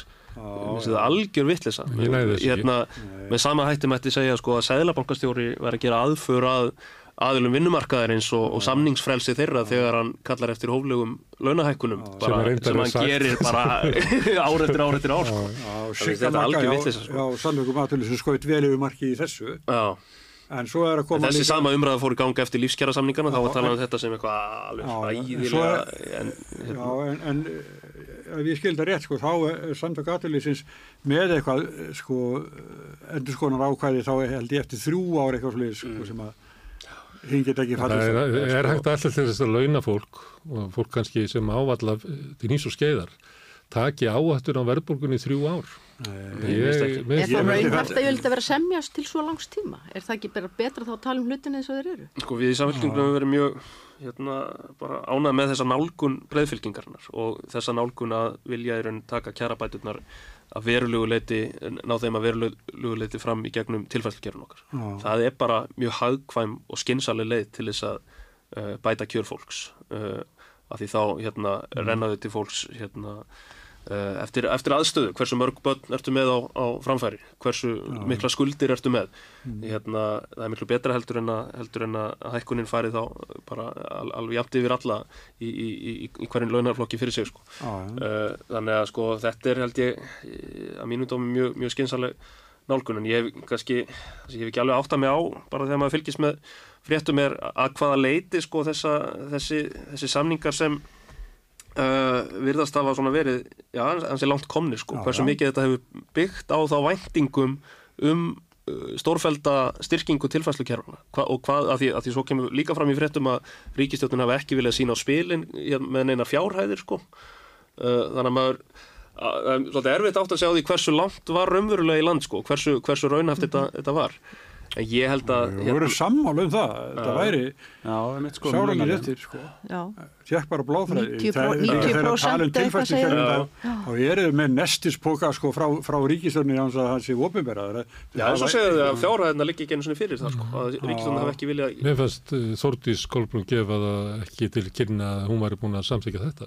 Nei, ég meina hún hérna Fannst var ekki. var mikið að naggast út í tilfærslukerfinu á skattadeginum sko, hann tala um þetta væri einhvern veginn óhagkvæmt og ósangjött kerfi og það mætti ekki Já, og, og hún vildi þá hérna fjármagnað allt sa- saman með því að, með því að lækka útgjöld annar staðar sko, fara í, ég meina ef þetta eru raunverulega 20 miljardar, þá vorum við að tala um 20 miljardar niður sko, það er ekki, ekki döðvelt að, að hérna að, Að að, að, þá að ná fram slíkum niðurskurði hérna, Það vantar ekki þarna við núna fórustu ríkistöndarinn í þetta mál? Þegar að ætti hún ekki að stíga inn í þetta. Ég menna, ég man ekki hvernig hérna, þjóðarsáttasamningarnir voru, það var svo eitthvað svona dans, það er ekki þannig að, að sko, FSI og Það voru líka hafði- fleiri sko, þá voru Já. fjármálastofnarnir, þá voru Bændasamtökin, og hérna það var bara öllum raða í, í hringum borði, sko. Já, Ég held að þeim tíma að Stengrumur Hermansson fylgst mjög vel með þessu. Ég, finnst vanta svona, mér, mér, nú ætti ríkistjóðin að stíga einhvern veginn inn og reyna að beina samningunum í einhverja leið sem að gæti leitt til samninga. Því að ekki viljum við hafa verkvöld hérna ofan á, á kuldan hjá ykkur hérna á. Reykjanesi ofan á, Nei, nei. hæ, Það er bara svo óljóst hvað er rétt í þessu. Já, já. ef það er Já, rétt að þau séu bara búin að ná saman um launaliðin þá er það nú ansi mikið. Já, já. og, og hérna og þá erum við að, og svo verðast þau vera sammála um að það sé forsett ákvæði en þau eru ósammála um forsettunar í því þannig að þetta hlýtur nú að vera nokkuð lítið á milli. En svona almennt séð þetta eru kannski sérstakar aðstæða núna almennt séð er ég á því að menni auðvitað að reyna að ná samningum án þess að það sé verið að blanda velfærakerfunu inn í það með beinum hætti. Það er bara ekki hægt að að leysa standa fyrir þetta þetta er óleysanlegt mál. Ef þú ætlar að hækka laun laununum þannig að þau geti lifa lífi kannski einstæð móðir með tvö börn að þá verður að hækka lægstu launin upp í svona 650 skall. Er sko. Ef þú vilt ekki, að það myndi þá líklega leiða til þess að, sko, ég veit ekki, þá færi líklega fórstisráður upp í fjóra miljónir eða eitthvað. Eh, Já, ef þú vilt ekki, að þá verður að koma með einhverjar hérna, bætur til leyenda, til hérna, barnafólks, til þeirra sem eru að, að, kapna í vakstabyrði og húsnæðiskostnaði sem eru að kaupa sér. Það verður bara að gera það. Þetta var allt til. Já, Þessi kerfi voru virk fyrir ekkert svo lengur síðan. já, og Stefán Ólafsson sem eh, kannski er ykkur hefur haft áhrif á þetta, hann segir að þetta sé eins og vera að færa tilfæðslukerfinu aftur til 2013 kannski er erfitt að, fyrir miðflokkin og hérna sjálfstæðarflokkin að kingja því að, að, að það að hefur barið niður þessi tilfæslukerfi Já, já. allan hennan tíma að þurfa að missa það aftur upp í það sem var 2013. Miðflokkurinn hefur ekki verið í ríkstjórn en þá Já, alltaf. já, Það er ekki eins og þessi búið að hóla velferðarkerfið Nei, inn. formaðurinn. Ég meina, við erum að, við erum að tala um kannski eins og að skera niður 20 miljard, það er búið að auka ríkisútgjöld örglum 100 miljard hvernig ári í bara Já, já. nokkur ár sko. Já, það hefur verið eitt í alls konar sko. Það er Já, já, en ég held nú að meiri parturinn að það fari í einhvers konar vel, vel, velferðarkerfisútgjöld. En Við hentum miljardi í bílalegunar og, og Það er, hérna, er, ekki, ekki er ekki 14 miljardar sem að renna út í, hérna, í gegnum hérna, rannsóknir og nýsköpun út úr fjármálaðundinu í tekjuskatti fyrirtækja. Við vorum að styrkja hérna, Samerja og, og Ísfélagi Vestmanni fyrir, orkusjóði. Ég Það er bara velferðarkerfi fyrirtækjana hérna, við ættum að skera það niður. Alls Og- og konar styrkja fýta í ríkiskerfinu sem að hægt er að skera Ég er niður, líka sko. saman á því, sko, báknið burt vegna þess að sjálfstæðarflokkur bjóð til þetta bákn. Og hérna, ég held að við sem eru svona vinstramegin í lífinu eigum að fara að taka undir það. Því það er, ég held að séu sko kannski 500 upplýsingafulltrúar á starfi hjá hérna hinn opibera. Ég, sko, ég, ég ætlaði nú einmitt að nefna þetta. Ég vil Það- ef, lausum. ef, ef það er ekki upplýsingar pulltrúnu þegar, þá er verið að auglýsa eftir honum eins og hjá sjúkrættarkingum um daginn. Ég vil sleppa þeim bladamennum lausum og leiðum að vinna bladamennsku. Já, Já. Heyrðu, sko, e, var að þingvað sjálfstæðiflokksins, Sigturður Ármann, hún kom upp í hérna, stöður þingsins og hún las bara yfir sko, fórustu sjálfstæðiflokksins. Hún er varað þingmaður í þeim flokki og ég held með sem sé garbaðingur en hún verið að tala um aukinu ríkisum um svif og, og uh, það sem að hérna hvað það aukist mikið á skömmu tíma og, og þannig að sko, þannig að sjálfstæðarflokkurinn er þess vegna hérna, flokkur sem ber kannski hérna, mest, eh, ber mest ábyrðin á hvað það hefur aukist. Og það er mjög óvenjulegt að, að, að kemur varaþingmaður, tekur sæti alþingi og fer upp og, og hérna, lesa um pistilinn. Umhverfistofnu til dæmis núna ferum hér á Vesturlandi og ætla sér að friðlýsa mörg, marga tugi ferkilometri ef ekki hundruð Mm. með tilherrandi sko eh, vesenni fyrir landeigundur, fyrir sveitarfélög Já, og kostnaði og þeir geta ekki svaraði af hverju þeir vilja fara í þetta ferli nema það virðist vera að þá fá þeir peninga til að byggja bílastæði og, og koma ársinni fyrir borð stopninu sjálf, hvað er þetta annað en bá? Já, já. Meina, Ég er bladamæður og ég hérna, vil sleppa fjölmilastofnun eða hvað hann heitir. Fjölmjöla nefnd. Fjölmjöla nefnd. Já. Hún má með mín má vegna sín. má hún hérna, leggjast niður. Hún er ekki að- ef breytni að- inn í líf okkar bladamanna. ef, ef að það þarf til þess að, að hækka barnabætur. Já, já. En Svona er þetta hver einast ári. Það er ný stofnun, ný lögbundin verkefni, samt Já. aukast tekjur ríkisjós kannski 5, 10, 15% okkur einast ári en ár eftir ár. Og við erum bara þeirri stöðu sko að degið ekst alltaf. Við erum alltaf að fletja það út á sko, þú veist, eitthvað, eitthvað ummál sem er bara of, of, of stórt, þannig að það verður of, of þunn. En svo verður það gödótt og, það, Já, er, já. og það, það sem er gödótt hjá fólki sem er að reyna að draga fram lífið á látekjum, að þá er þetta orðið bara spurning um sko líf og döða sko. Já, en mér langar aðeins hérna það sem hún sagði þessi unga kona hana, hún sagði sko stjórnaráðu eitt og sér hefur starfsmennu þess, þess fjölgað á sístu fjórum árum um rúmlega 30% sko. bara á fjórum árum hefur starfsmennu stjórnaráðsins fjölgað um 30% Þetta er einn grjótt. Þetta er náttúrulega kostaði eitthvað þessi uppstokkur ráðurendana sko, Já, já, já, það er sem er engin það er ekki skildi. mörn í því Það skildi engin ástæðina, ekki einu sinni ráðurennir sem að voru, fengu þessi skringilugu að þeir voru bara tókuð á sko tvær þrjár vikur að læra þetta. Kastaði penningur. Það er að taka alla upplýsingafulltrúan svo bara, og bara stilla þeim upp fyrir hann að Hallgrímskirkju og taka mynda þeim. Þetta er örugglega held bara... alveg að segja skjóti. já, já, já, hérna, það, þú veist, ég man ekkert um að sá ég sko, það voru fleiri, þetta var fyrir einhverjum árum, það voru fleiri upplýsingafulltrúar hjá Reykjavíkuborg en lögmenn hjá Ríkislögmanni. Mér er þetta svo magnað, sko, sínir svona hvar hagsmununni liggi í kerfinu, sko. Já. Og þetta er orðið líka vandamál vegna þess að upplýsingarna sem að koma til fjölmjölana, þær er alltaf að vera mengar og mengari. Já. Og bara tilkynningarna frá ráðunitunum er orðið að vera áróðuskendari og Kalla, áróðuskendari. kalla það fréttir. Já, hvað var, já, þannig þetta er líka bara vandamál. ríkistofnunum, landsvirkjun eða tryggingastofnun eða hvað þetta heitir. Ég meina, haldið því að upplýsingafulltrúar séu ráðnir hjá ofnböru stofnunum til þess að tryggja betra aðgengi upplýsingum. Nei, þetta er Það er stoppaður. Nei, nei, það er til þess að filtera þær. Já, er það svona verður við að enda þetta ha, þetta er hérna, búið að vera fínt Já. Ígvarsmári, mjög takk fyrir takk fyrir. Erna Bjarnadóttir og Jóhann Pál og Smári við sýtum eftir að aðeins. Svo kom að hinga hérna eldfjallafræðingar, jarðfræðingar og skipulagsfræðingar og ætla við verðum fyrir að ræða um, um fyrirhyggjuleyðsið í skipulagi. Það lítur að vera. Það verður að stilla á samstöðin í bílnum og eftir. Já, já, já, já. Já, 89,1 á stór höfuborgarsvæðinu fyrir ykkur sem eruð í bílum þá, en ef ég þitt áminn ykkur um það þá eru þið líklega ekki að lusta á samstöðuna. En það er næstir að fara í bílinn, 89,1. Uh, smá hlje og svo ætlum við hérna, Sigurjón bróðir að fara þessi við stöðuna. Segðu það á samstöðinni. Samstöðin er í eigu hlustenda, áhörvenda og lesenda. Sláist í hópin og Já, gerist áskrifendur. Ingvar, Jóhann og Erna en við setjum hérna eftir Sigurjón með hérna fín pólitíska umræðin hérna á hann um, um Já. sjálfstæðarflokkið var mest, Já, já. mest.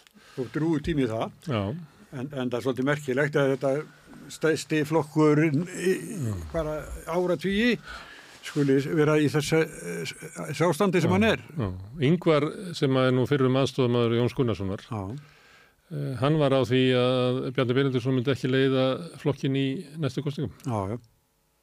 Já, já, það er svona, já, hann, hann er búinn með þetta bara. en, það, eh, en heldur að hann fari eh, svona, ef hann fengir á það Bjarni þá er náttúrulega flokkurinn ekki í góðu standi Nei. bæði er hann bara með lítið fylgi.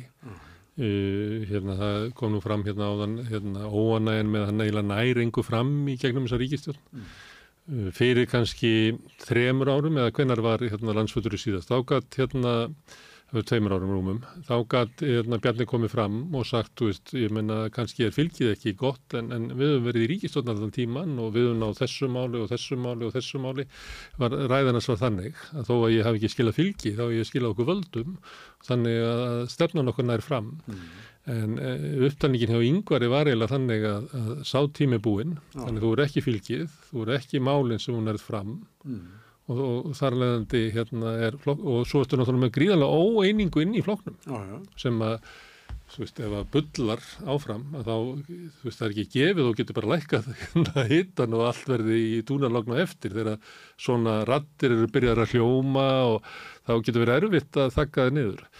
Og þá er spurningin eh, frá sjónarhóli Bjarna eh, hérna, þarf ég ekki að laga þetta áður en ég hætti? Ekki get ég hérna, gengi frá þessu svona já, ég heldur hann eigi marga, eh, marga leiðir út, út úr þessu, það sem hann er núna. Ég get ekki séð það. Hvað, hvað hann á að gera? Það Þó hann vildi laga þetta. Óvinsalasti stjórnmálamæðurinn til dæmis og minnst tröstbúri til hans og, og flokkurinn er, er bara hálft fylgi sem hann var með fyrir bara ekki svo mörgum ára síðan. Og, og eh, ég get ekki séð hvernig hann á að laga þetta. En það er oftast þannig að sá sem er í svona stöðu, hann vill ekki hætta með, hérna, hann vill laga þetta sjálfur fyrst. það er bara, Já, það er næstu því mannlegt, sko. Já, já, en ef að vinir hans hljóta sig að nei, Bjarni, það þetta er, þetta er allt og stórt verkefni fyrir þig, sko. Aha. Heldur að staðan sé orðið þannig að hann finni það inn í sjálfstafloknum, að hann er, það sem er kallað, þetta er kallað dead man walking, Já, já, það er hérna eins og verið á dauðadildinni, það er svona dead man walking, það er sá sem er stjórnmálamæður, sem allir vita að það er ekki framtíð í stjórnmálum, sko netið þeirra og, og svona staða þeirra hún, uh, bara fer svona bara, hjú, bara allt í einu ertu ómark í pólitík.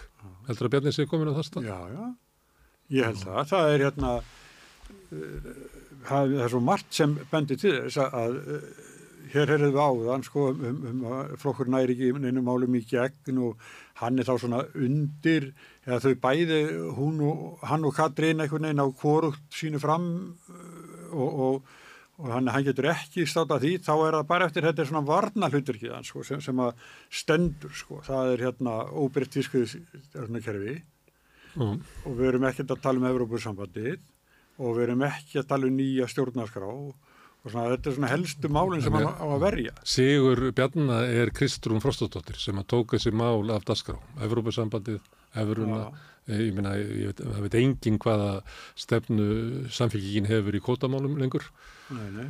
Uh, og þannig að, að það er eiginlega kristrún sem að tekur málinn af dasgrá sem að til dæmis að því að þú veit að með þessa upptalningu þá verður þetta upptalningi sem Óskar Magnússon var með til þess að sína fram á hvaða sigur útgerðin hafiði unnið með því að endur í samokkan og, sitta Daví Oddssonan inn með þetta markmið.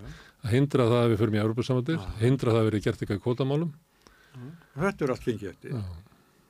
Það er eiginlega kristrún að, Já, já, já, en, en það sem að sko, hann er búinn að verjast þessu málum í langa tíma og elvist er hann sko á hann svona eh, á geta vini í þeim hópum mm, en eh, Bjarni bara hefur ekki trúverðilegan sko.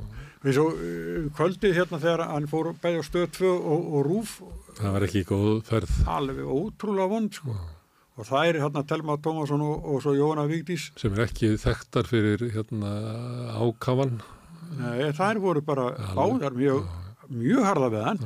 Og með þess að Jóhanna Vigdís sagði eiginlega bara að ég farið hann hún hætti bara sem að sýnir það að hann hefur eiginlega enga virðingu meðal þjóðarinnar svo. Já. og það séu alls konar fólk sem að vil verja hann þá hefur hann það ekki. Nei, nei, og, og hann gæti ekki varist þessu, hann átti svo sem að vita sko að, að er þetta ykkur átök. En, en svo er það innviðinir mm. Smári, við verðum aðeins að tala um þú það. ert náttúrulega býrið þannig á Reykjanesi já, já, já, já, það er með eitt ramasopn já, já, það dugar ágætlega sko þannig að þú ert í vel einagruð húsi Já, ég er það. Ég er í Timbrúsi Mm. og, og eh, þeir sögðu mér eftir ég var búin að kaupa það að það væri mjög vel einangur. Ég ætti eftir að sko, sjá það eh, og ég ger það núna. Þessi eini upp bara dugar okkur alveg sko. En það er ekki allir sem eru svona hefnir ég þessi ábyrðað er mjög kallt Já, þú veist að einum ramasopnið halda hita og kannski gömlu timburúsi það er eiginlega vonlust sko. já, en sko, já, að kona svona flýtur að svolítið á milli herbergja sko, svona til að, að sko, að komi ílur í öll herbergi ykkur tíma. hvað heldur þessi heitt inn í þar? Ég hef ekkert mælt það, það er bara, 16? ég, allir ekki, ég, nei, þetta er bara allt í lagi sko. Já. Ég er oft bara uh, stuttverma bólu við tölvuna sko, þannig að þetta er ekkit Mm. en svo aftur hérna þetta að, að gera ekkit annað ramags, með ramagn á meðan sko, það er hérna uh, frúin hjá mér, hún fór bara að vaska upp í höndunum og svona hérna, það er semst ekki að nota uppþóttaðina því hún tekur svo mikið ramagn og, og þetta sko, þannig að fólk hjálpa fyrir svona, en ég skil þarna sko, fólk sem eru kannski stærri hús sem ekki jafnvel einangru þá er ekki sama regla að gilda sko. það eftir kannski með að vera tveirofnar sko. Já, ef það er hægt að Mætti kerfi- senda hérna, hita eftirlitið á staðin og mæla hita og gefa þeim færi á að vera með tvo opna sem að já, já, En maður þarf að passa þegar maður er með opna því ég bý í timburhúsið í Reykjavík og Já. þegar hitin er svona í þetta 8 pluss gráður að þá er ég með ramasopna til að vinna á móti. Þetta tala um uh, frost. Já, já, Já. áttastega frost og þá hérna eh, og ef að við erum með báða á fullu já, og ég hérna fæ mér rista brauð að þá slær út. Að Það ef er hún kemur inn í þetta þá þannig að við getum ekki verið með hérna, það eru það er ekki bara gert ráð fyrir því að, í rafmagninu að við sem að hitta búsin okkar á, á, já. svo bý ég svo vel að, að, að nágræni minn hann kom gerði hluti sem að ég vissi ekki að ég þurfti að gera hann, hérna, það eru hitaleislur sko út, fyrir utan húsið og hann kom með frostlög og dældi upp úr þessu og heldi frostlegi niður í þetta Já, alveg óum beðin svona fólk að vera sko já. En núna er e, óvís hvað þetta verður. Hérna, fyrst heyrði maður svona, takið tvo daga, þrjá daga, nú heyrði maður viku, nú heyrði maður viku og tíu daga. Maður er að veltaði fyrir sér sko hvað þetta verður langu tími því að einhverju þegar hérna, leysla fór í sundur, þá var sagt að ef að bráðabyrða vikeri myndi takast þá var þetta kannski tveir dagar. Ef ekki þá getur þetta tekið nokkra vikur. Og hérna núna eru þau konið líklega með eitthvað plan C sem er að leggja þetta yfir hraunið. Já, Eh, þannig að sem er án framtíðar. Já, þannig að það er rólist en það er var, varandi umræðina sem við vorum með hérna áðan og verðum með og eftir um svona innviðina að, að það þarf að huga öðruvís, það er augljóst og minnst alltaf leiðilegt er að fólk er að segja að sé, hérna, við sem við mikið voru að horfa í baksin í speilin auðvitað eigum við að læra af svona niðurstöðu og horfa á þetta og hvað hefðu við geta mátt gera betur að, annars munum við ekkert ná að ekkur í framþróun. Eh, en mér finnst svona stemmingin oft verið þannig að við eigum að hérna, þessu ásakanir í því eh, og er svona Algjörlega. að vera að tala um að hvað hefði mátt gera betur, hvernig við hefðum bröðist við, það var til dæmis, tók maður eftir því á uh, stundin heimildin kom út á föstudaginn, að þá var svona verið að finna að því að hérna, þar var verið að benda á að stjórnum hefðu verið verið við að, að líklega hefðu viðbræði verið allt of seint og allt of hægt Já. þú sást hérna Guðlu Þór sem að mætti á á fund almannavarna þar sem hann var eiginlega aðal skilabóðin voru það að við hérna, höfum verið að vinna mikið og lengi að þessu til þess að svara þessum svona hugmyndum um að, að við höfum ekki bröðist við. Já, já. Mm. Sem er kannski ekki alveg korrekt sko. Nei, og ég held að við eigum að bara sem samfélag eigum að þóla meiri umræðu um það hvað hefði mátt betur fara. Það er, svona, það er alltaf svo ríku vilji hjá okkur um að vera einhvern veginn öll svona í sömu sögunni að, að þetta sé alltaf að rettast. Sko reynslan hún þróskar okkur áfram sko. Og ef maður hægt, sko, virðir ekki það sem maður er búin að gera áður, hva, mm. hvað er maður þá? Bara nýjum maður okkur en degi? Já, já. Nei, það er ekki tannir, það auðvitað verður að líta tilbaka. Já. Og það er eitt sem að þarf að skoða, er hvernig var staðið að enga væðingu innviða eins og orku fyrirtækina. Það sem að mér finnst það ótrúlegt að heyra hérna fórstjóra HS Orku segja frá því að þessum samafundi að þeir hefðu fengið styrk til þess að, að bóra eftir láhita sem er þá leið til þess að hafa einhverja aðrar bjargir eh, til þess að færa þér heitt vatn inn í hittaveituna hjá þér, aðrar heldur en, en svartsengi. Og, og við, okkur var alltaf hérna búið að segja okkur að enga aðilar að þeir myndu sko fjárfesta og byggjit upp, þeir bara gera það ekki sko. Og svo þegar það þarf að byggjit upp að þá eigum við að styrkja þá. Þetta er náttúrulega komið út í einhvern þjófabálk og svo í ofanálag sko eins og hérna Kristján Þórður Snæbjarnason formar aðvinarsambansins sagði sko að, fínt, að gerðu, gerðu varnagarða utanum orkuveri í svartsengi en fyrir utan var ekki neitt Nei. en þetta er þetta er ekki nú gott Nei. en ef ekki að fara að leipa að, að, að, Já, ég myndi að kannski komum við að því núna eftir á. að það er núna verið að sveia umröðinu þannig að viðbræði ríkistjóttarna hafi verið frá því í nóvömbur mm. En það eru þetta ekki þannig. Það eru búið að vera í, í þrjú ár hérna Reykjaneseldar og það er vitað að þetta eru svona hérna, nokkur kerfi sem að fara í gang hvert að fættur öðru. Þannig að undirbúningurinn undir það að verja orkuverin, eh, sólina á, á söðunisum eins og orkumála stjórið sæði mm. og hérna leiðsluna frá þeim að það hefur verið sko 2-3 ár sem að viðvöruna bjölluna byrjuð að ringja. Ah, ja. Þetta er ekki Það er oft verið alltaf að segja okkur sko að tímasetningi sé einhvern veginn miklu þrengur en það var. Herðu, er þetta alltaf að ræða hérna eftir? Já. Það koma hingað, e, það eru jarðæðilegsfræðingur og það er eldfjallafræðingur og það er skipilagsfræðingur eftir augnablík.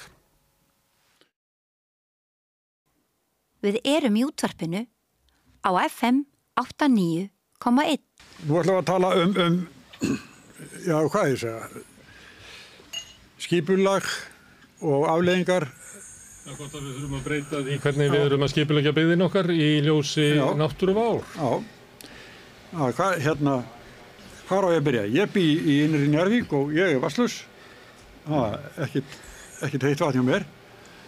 Mm. Þannig að ég er með einn ramarsótt og hann dugar hendar, mm. það er ekki það. Hérna eru tveiri menn sem hafa verið að benda á þetta svolítið lengi, Þorvaldur Þorðarsson og Páll Einarsson.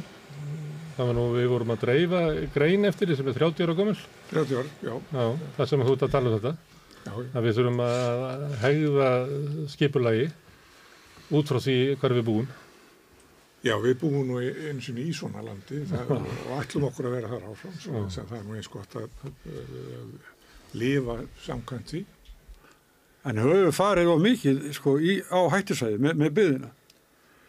Í, sko, það er mjög missamt hvernig það er og, og, og, og e, það er í gangi svona e, ákveðin líka miskilningur á því hvað, hvað sé hættulegt og hvað er ekki hættulegt og það, það, það og við, ég held við séum satt sér ennþá að súpa segið að því hvað síðasta öld var róleg. Mm. Og við, þetta, er bara, þetta er bara byggt á miskilningi sko allt saman það, þetta þjóðfélag eh, okkar núna það er byggt upp á tíma þegar eldfjöldinu voru nánast bara steindauð og, og, og skjáltar eh, ekki sérlega eh, algengir og þannig að þetta og þetta er miðbyggt 20. aldarinnar sem við erum að tala um. Sko, þá eru Já, þegar heklugósi til dæmi stóra kemur hérna 1947 þá hafði nánast engin Íslandingu séð eldgósinu sinni. Já hvað þá að menn tækja markaði þegar þeir voru að, að, skipalegja. Það var stórt göllugós hérna snemma á öldinu, ekki? 1918. 1918, það var, það var nánast síðasta góð sem nokkur maður hafði séð og það mm. voru ekki nema fáir því að hérna, það bara, þetta, þetta sást aðeins orðláð þessu í Reykjavík en, en En óttin við eldfjöldin var samt í staðar. Ég held að sé þannig að það voru ekki margar stúlkur skýrðar kalla að fyrir hluta síðust að það. Nei, það, ég held að þetta sjálf er rétt. Sko. Já, ekki eins og hekla sko. Menn óttuðust mm. eldfjöldin og, og það voru náttúrulega gamla sögur til um hvað mm. eldfjöld getur verið hræðileg og, og það er vissulega alveg rétt. Eldfjöld getur verið alveg skelvileg. En e, Já. það er eiginlega ekki fyrir en kemur fram við 1970 og, og það er eiginlega 1961 sem að menn sjá fyrst svona dæmi gert Íslands elgós sem er öskjugósið 1961 og það voru ekki einn verf á sem að hefðu uh, uh, tækverð til þess að fara þángu að sjá mm. það var um, um, um vetur og fáir sem sá það, það var síðan ekki fyrir svona surtsi það skrítna gós kemur mm. sem að menn sá almennt elgós hérna því að það blasti við svo lengi ah. og, eh, og síðan er það eiginlega ekki þá fyrireldurum bara með heimajargósi og heklugósi 70 og svo kröplugósunum sem byrjuði 75 mm. sem að eh, við getum sagt að, að eldvirknin á Íslandi fer í eðlulegt horf ah. Þannig að það er svo langt síðan að þetta er raunlega okna byggðið eða lífi fólks. Já, það er eiginlega ekki... Það er bara heimaðis, hvað sem að þannig kemur. En, en annars hefur þetta ekkert verið á, á þeim stað, eða sko næri byggð. Nei. Já, en samt er það þannig að eftir heimaði þá er líklega meirinn helmingurinn af öllu húsum í Íslandi, helmingurinn af öllu skipulagi er eftir heimaði eitthvað sér. Við vorum búin að fá varúðar svona bjöllu. Já en þá, þá kemur þá, þá, þá er það einlega statistikinn og, og, og tölfræðin sem að vinnur gegn sjálfur sér sko því að menn trúðu því og, og sem er alveg rétt að atbyrður eins og heimaðjakosið er alveg rosalega ólíklegur atbyrður mm. þannig að menn gáttu afgriðt það og sagt já þetta gerist í heimægi e, þetta gerist hverkið annar staður og það líða kannski nokkur undur aðra þannig að það gerist aftur í uh -huh. og þannig að menn gáttu alveg svona með Já. einhverjum rökum uh, samfærtsum að þetta væri kannski ekki þetta marka heima því. Sko. Mm. Ég er nýbúin að lesa mig til um hérna eh, Kópasker skjáltana 1976. Já. Það er náttúrulega ekki eldgóðs en það var alveg sko skelvilegt, skelvilegi járskjáltaðar en við höldum áfram að búa það. Er það ekki svipað og gekk undir Grindavíkur umvila? Og Dalvík og skjáltinn hann er náttúrulega Jú, það eru, eru vissulega járskjáltar sko en, en þeir eru ekkit sérstaklega miklir á þessari öll það, það eru þrýr, þrýr stóri skjáltar eh, á eh, öldinni síðustu sjö, sjöstiga skjáltar mm. einna við, við, á Rangavöllum og, og svo hinn er fyrir utan strandina fyrir norðan. Ah, og þeir allir svo sem einhver tjóni nema þessi þarna á Rangavöllunum hann allir talsverð tjóni 1912 mm. og síðan er í raun og verið ekkit voðalega mikið um, um jarðskjálta á þessum hefðbundu jarðskjáltasvæðum sem að það sem að þeir valda tjóni. Pállar að segja að við þekkjum ekki landið sem við búum í. Nei, já, já, það, ég held að það, það byggist nefnilega upp á landið sem, að, sem að er bara alltaf öðruvís heldur en það núna. Nú, en þetta er skipilagsfrængin, sko, það hérna núna þegar að við, semst, þetta hefur dunnið yfir okkur mm. og höfum við sko stöndust við skipilagsprófið eða er það. Ég held að hmm. það er nú erfitt að segja sko aðeins á því eh, ein, einfaldarsari er að vissuleiti ekki eh, við höfum farið of eh, frjálslega með íms ákvæði sem eru í regluverkinu okkar til að mynda að ekki að byggja húsi við sprungur það er við sjáum að það er samt gert Er það bannað en er samt gert? Það er gert. En er það byggt svolítið vísvitandi? Ég, það er mjög erfitt að ja. sprunga kom ekki ljós þegar þú ert að grafa grunn og, og svo leiði sko að, að, og þær eru kortlagar þannig að við höfum farið svolítið frjálslega með og kannski svona uh, væru kæri yfir að, að þetta væri ekki svo óg sem þetta rauninni er. við svolítið svolítið flotið svolítið sovandi en, en, en hérna ég held að við hljótum að vera að læra ansið hratt núna og, og, og, og ég er sko mörg af þessum byggingarsæðin sem hafa verið á, á núna byggjast upp síðustu áratöyu á höfuborgsvæðinu hafa verið ski, á skipula í, í sko halva öld eitthvað svo leiðis. Ég var að skoða núna bara í síðustu viku gaman skipulaðs uppdrátt af Hafnafjörði sem þá var raunin að skipula í ríksins og, og með þeim þá færustu sérfræðingum á, á þeim tíma. Uh, það gerð, sá uh, skipulaðs uppdráttu gerði ráð fyrir allir þessari uppbyggingu á, á, á völlum og, og, og þannig að þetta búið að vera mjög lengi á dagskrá. Það er stundum tekur svolítið tíma að snúa svoleiðis hvað að segja, rörsýni sem verður þegar þú ert búin að setja markið eitthvað að, að, að svona stokka þau spil. Mm. Og hafðingar hafa þó gert það. Þeir dróðu til dæmis á síðasta aðalskipla sem þeir gerðu þá, þá, þá tókuður svæði af þarna upp með uh, upp með hvað heitir nú krísjökuvegurinn uh, þá voru tekin svæði þar út af skipulagi. Eh, þannig að, að, að, að sumt hefur líka verið gert, getur við sagt, já. Uh, svona uh, að einhverjum vitrannum hætti en, en það er alltaf rosa auðvelt að sitja svona þegar já, eitthvað er komið í gang og svona. Þetta hefði aldrei átt að gera sko. Amma mín út af því að Pál nefndi hérna Köllugós, nei Heklugós 47 ég, Amma mín bjó í, og að við voru bændur í Þórsadalum og amma stóð mjög oft við stofuklökan og svona muldraði fyrir munni sem skildum gjósa í dag. Og hún er nefnt upplifið þetta að, að fjölskyldan verður svona bara flótta menn þegar þau eru nýbúin að hefja búskap út af góðsinu 47 Þannig, en samt heldur svo fólk áfram að jafna sig á þessu. Þú myndi eflust halda áfram að búa í, í hérna Njarvíkinni og, og, og vonandi verður hægt að koma einhvern veginn tryggja betur að, að, að, að það sem þarf að fæða þá byggð mm. með heitu vatni, köldu mm. vatni og ramagni mm. muni þóla svona álag í, í framtíðin. Ég ætla að það var með sólaselur bara á mín eigin rastu þetta, þetta, þetta, en hérna þólaldur sko stöndum við frammi fyrir þessu að heita á sæðin fer bara þarna og er þetta eitthvað sem var búið að vara við eða hafa mér ekki verið svolítið svoandi yfir þessu eða fyrir þessu? Svoðandu ekki sofandi sko. það er alveg augljóst að við brúðumst ekki nægilega hrætt við Ó. og ekki nægilega fljótt það, það, það því hún fór Ó. og það, það hefði verið hægt að fara í aðgerði sem hefðu allavega hérna haft minni áhrif á leysuna heldur en, heldur en þetta ef mér hefðu líka verið búin að hæra hugsa út í sem þeir að hugsa út í núna að vera með fleiri neina útgöngulega fyrir vatnið já og, og það er fram til guttur þannig að þess að ég hef oft komað á það það eru fyrirbyggjandi aðgjörðina og þar eru við mjög léleg mm. það er bara að segja alveg eins og við fáum raun og veru fallengun þegar kemur að fyrirbyggjandi aðgjörðum við fáum alltaf til 10 pluss fyrir viðbræð mm. það er, það er menna að standa þessi alveg æðislega vel og, og, og gera alveg ótrúlega hluti mm. og það má ekki taka það frá þeim sko, en, en við sopnum bara á verðinum og það getur alveg skýringi sé það að það hafi ekki góð sér nægilega mikið á 20.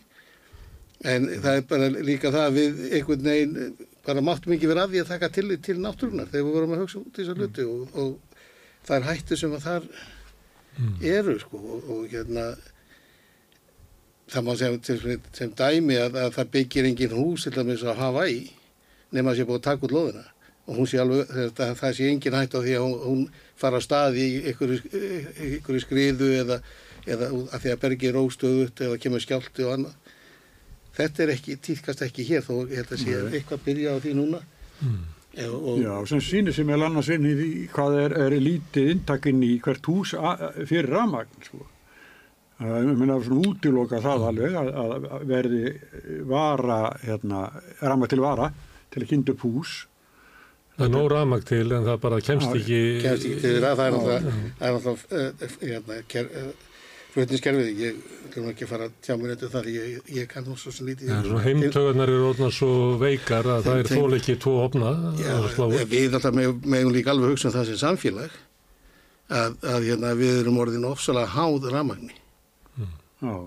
og það er alveg til dæmis eða mögulegar mögulegar atbyrðir sem getur tekið út ramagnast í langa tíma af stórum svæðum á, á landinu. Það mennur góðs í henglinum eða eitthvað slíkt.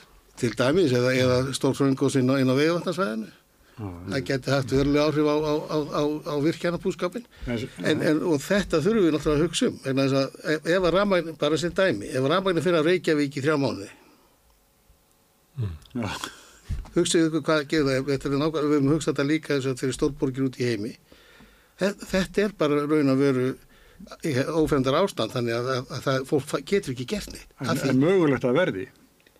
Það er alltaf eitthvað, já mögulega, það er kannski ekki mikill Nei, en, en það- taka smá, við erum að taka svona, hafa það til hlýsuna, Já. Það er kannski það flóknaði í þessu sko. Áttu að taka tillitið þess sem eru 0,05% líkur á að gerist. En ef það gerist að þá er það algjör dísastur. 0,00005% það, er- það eru er, er, er, er, líkur sem að tryggingafélagi nota til þess að meta sagt, hvað er hættulegt og hvað er ekki. Sem sagt, og það er, þegar út af, að þau eru að hvað, er að borga út þá eru þau komin með 10 í mínus 5 sem sagt líkunar Og Þetta ættum við kannski að vera að velta fyrir okkur og kannski þurftum að fá félagssálfræðinga til þess að meta það, svo hvernig við sem hópur bregðust hvað svona vá. Það er allins margir sem eru að reykja sem að vita að það er óvald, Já, en þeir reykja samt. En það er munur á því að vita og vita hvort það sé hættur þetta að reykja. Það þú veist ekki náttúrulega fyrir þú hættir. Þú veist ekki hver váin er fyrir þú bregst við henni.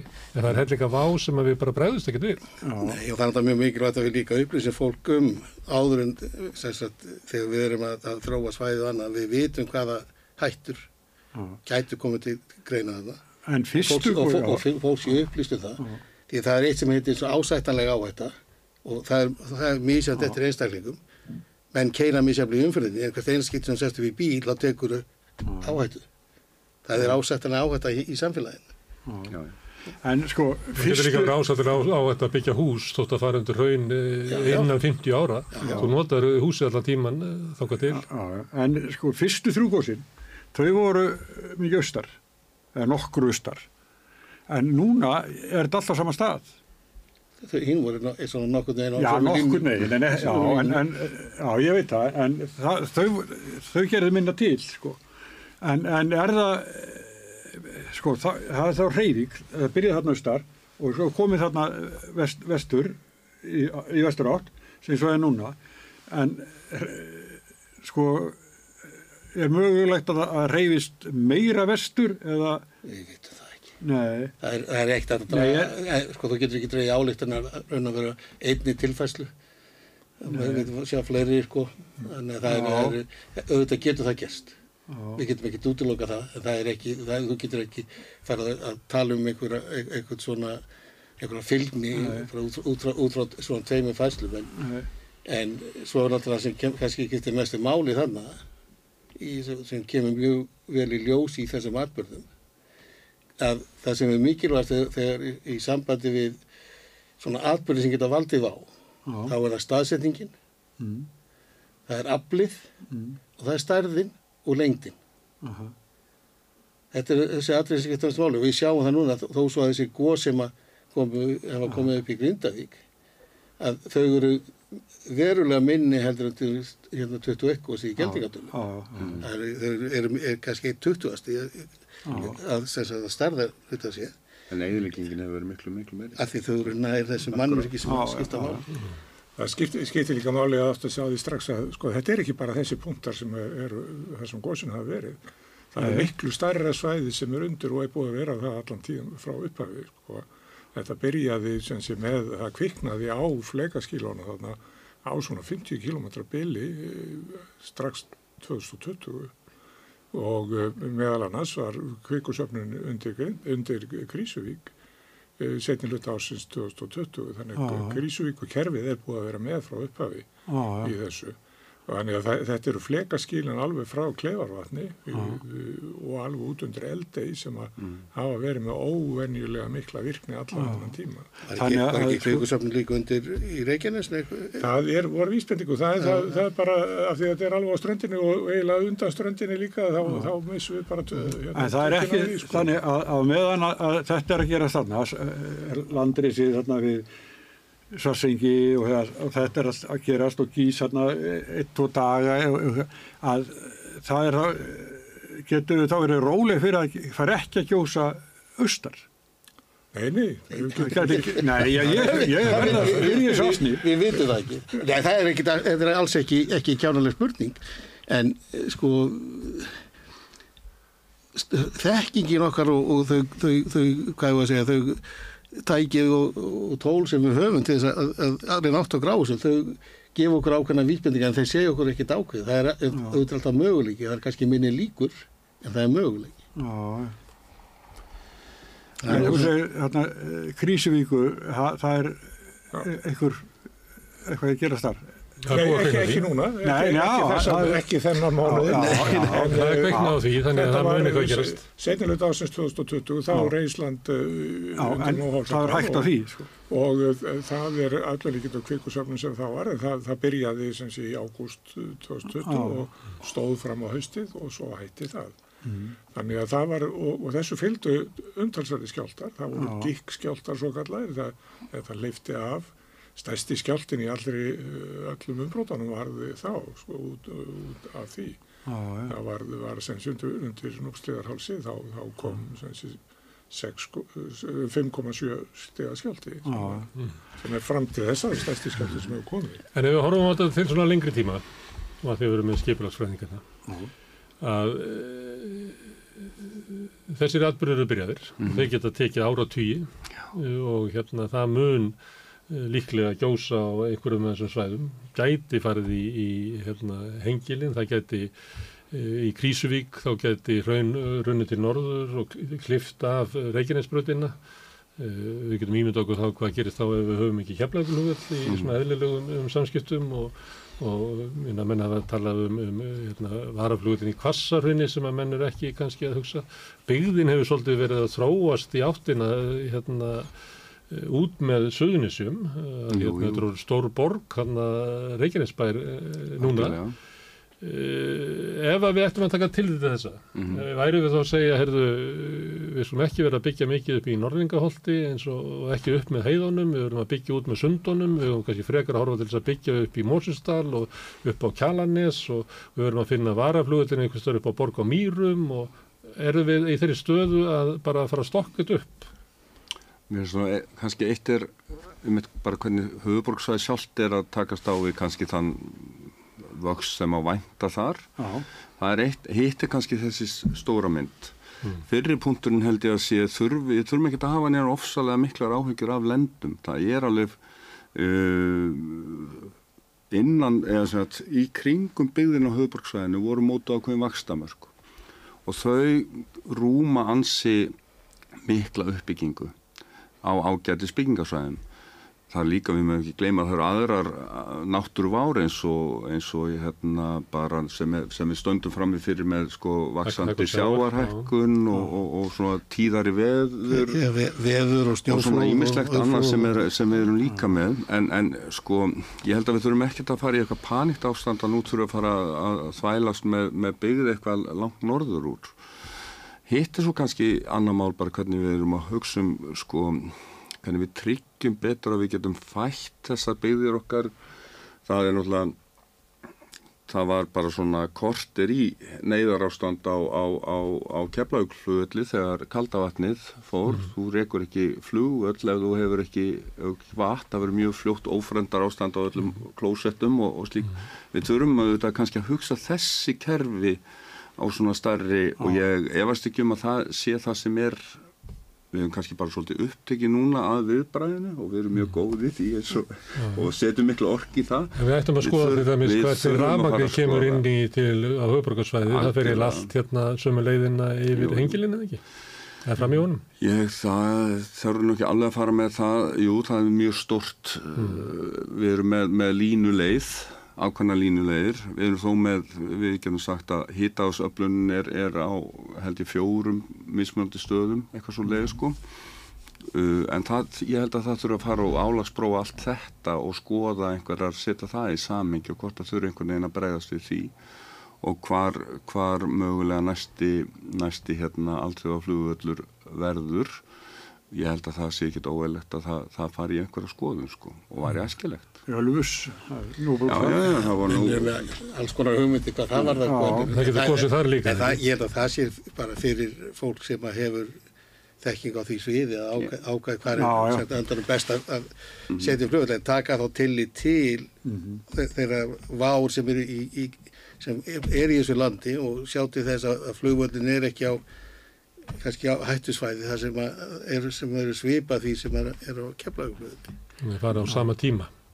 Já, já, það hefur ekki trúblandar, náttúrulega við getum aldrei út, útiloka allt en það er hægt að vera sagt, það, ef þú ert meðan í kvassarhönni þá ertu raun og verið nákvæmlega sama hættu svæði mm -hmm. og keflaguflöður á.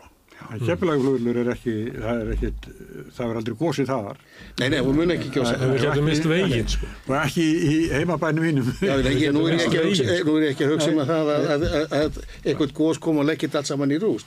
Það, sko, og það, það, það er það sem er, við erum að horfast í augu og, og hugsa þetta vel er að það eru innviðir sem við treystum á og, og, og líka atvinnumvegi sem við treystum á sem að, að gætu orðið fyrir skakkaföllum og verður skakkaföllum ef að kemur til atbyrða ákveðinu stöðu.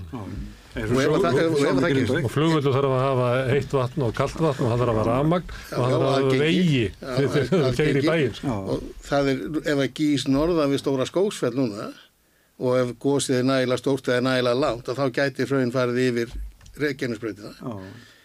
og þó að ég telja ólíklegt að það gerist í þessum oh. atbyrðu sem núna er að tala um þá er það ennþá möguleiki. Og þá er ekki þetta að keira til, til Suðunisja því að það keirir engin ekki allavega mikla umferði gegnum Grindavík eins og er. Nei. og meðan að hraun er þarna í gangi þarna þá er, er ekki verið að keira yfir veginn. Þannig að þetta er kannski hluti sem að mér finnst við þurfum að hugsa um og, og, og við getum rannsaka það og við getum skoða og við getum mm. komið með hérna, ágætis útværslu á hvernig var það hugsanlega hægt að breyðast við ef til kemur mm.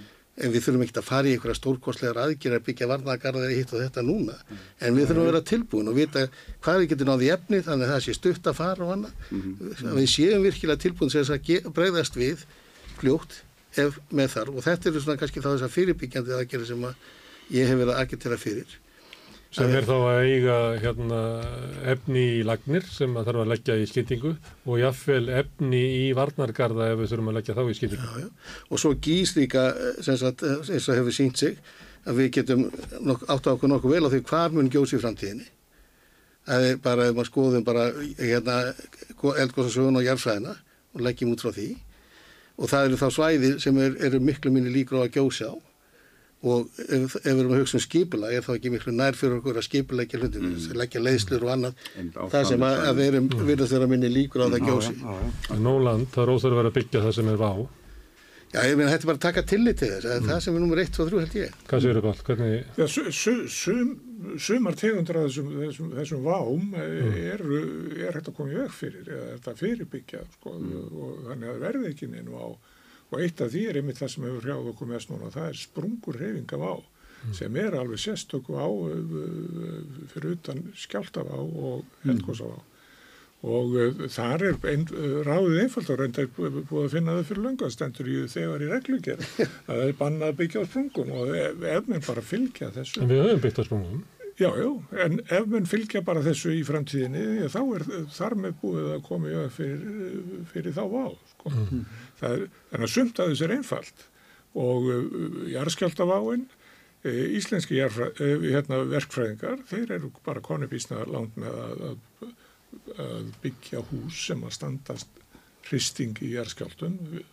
Það að setja reglur um það hvernig styrkur bygg, bygginga eigi að vera og þetta stendur sér vel. Það, það er að segja, jarðskjáltarni 2000 og 2008 á Suðurlandi, þar hrundi engin bygging og þar að leiðandi fórstengin því að fólk festi yfirleitt í þessum byggingum sem rinja Mm. Þannig að þar erum við komin nokkuð langt. Já, já, já. En í Grindavík sjáum við hús bara að klopna? Já, það er út af sprungurhefingum, mm. ekki út af skjáltanum. Því að skjáltanir sem þarna voru er voru ekkert sérstaklega stórir. Mm. Ég er að segja það að Grindavík sé bara, bara hægt að afskrifa byggðina þar að mestu hluta.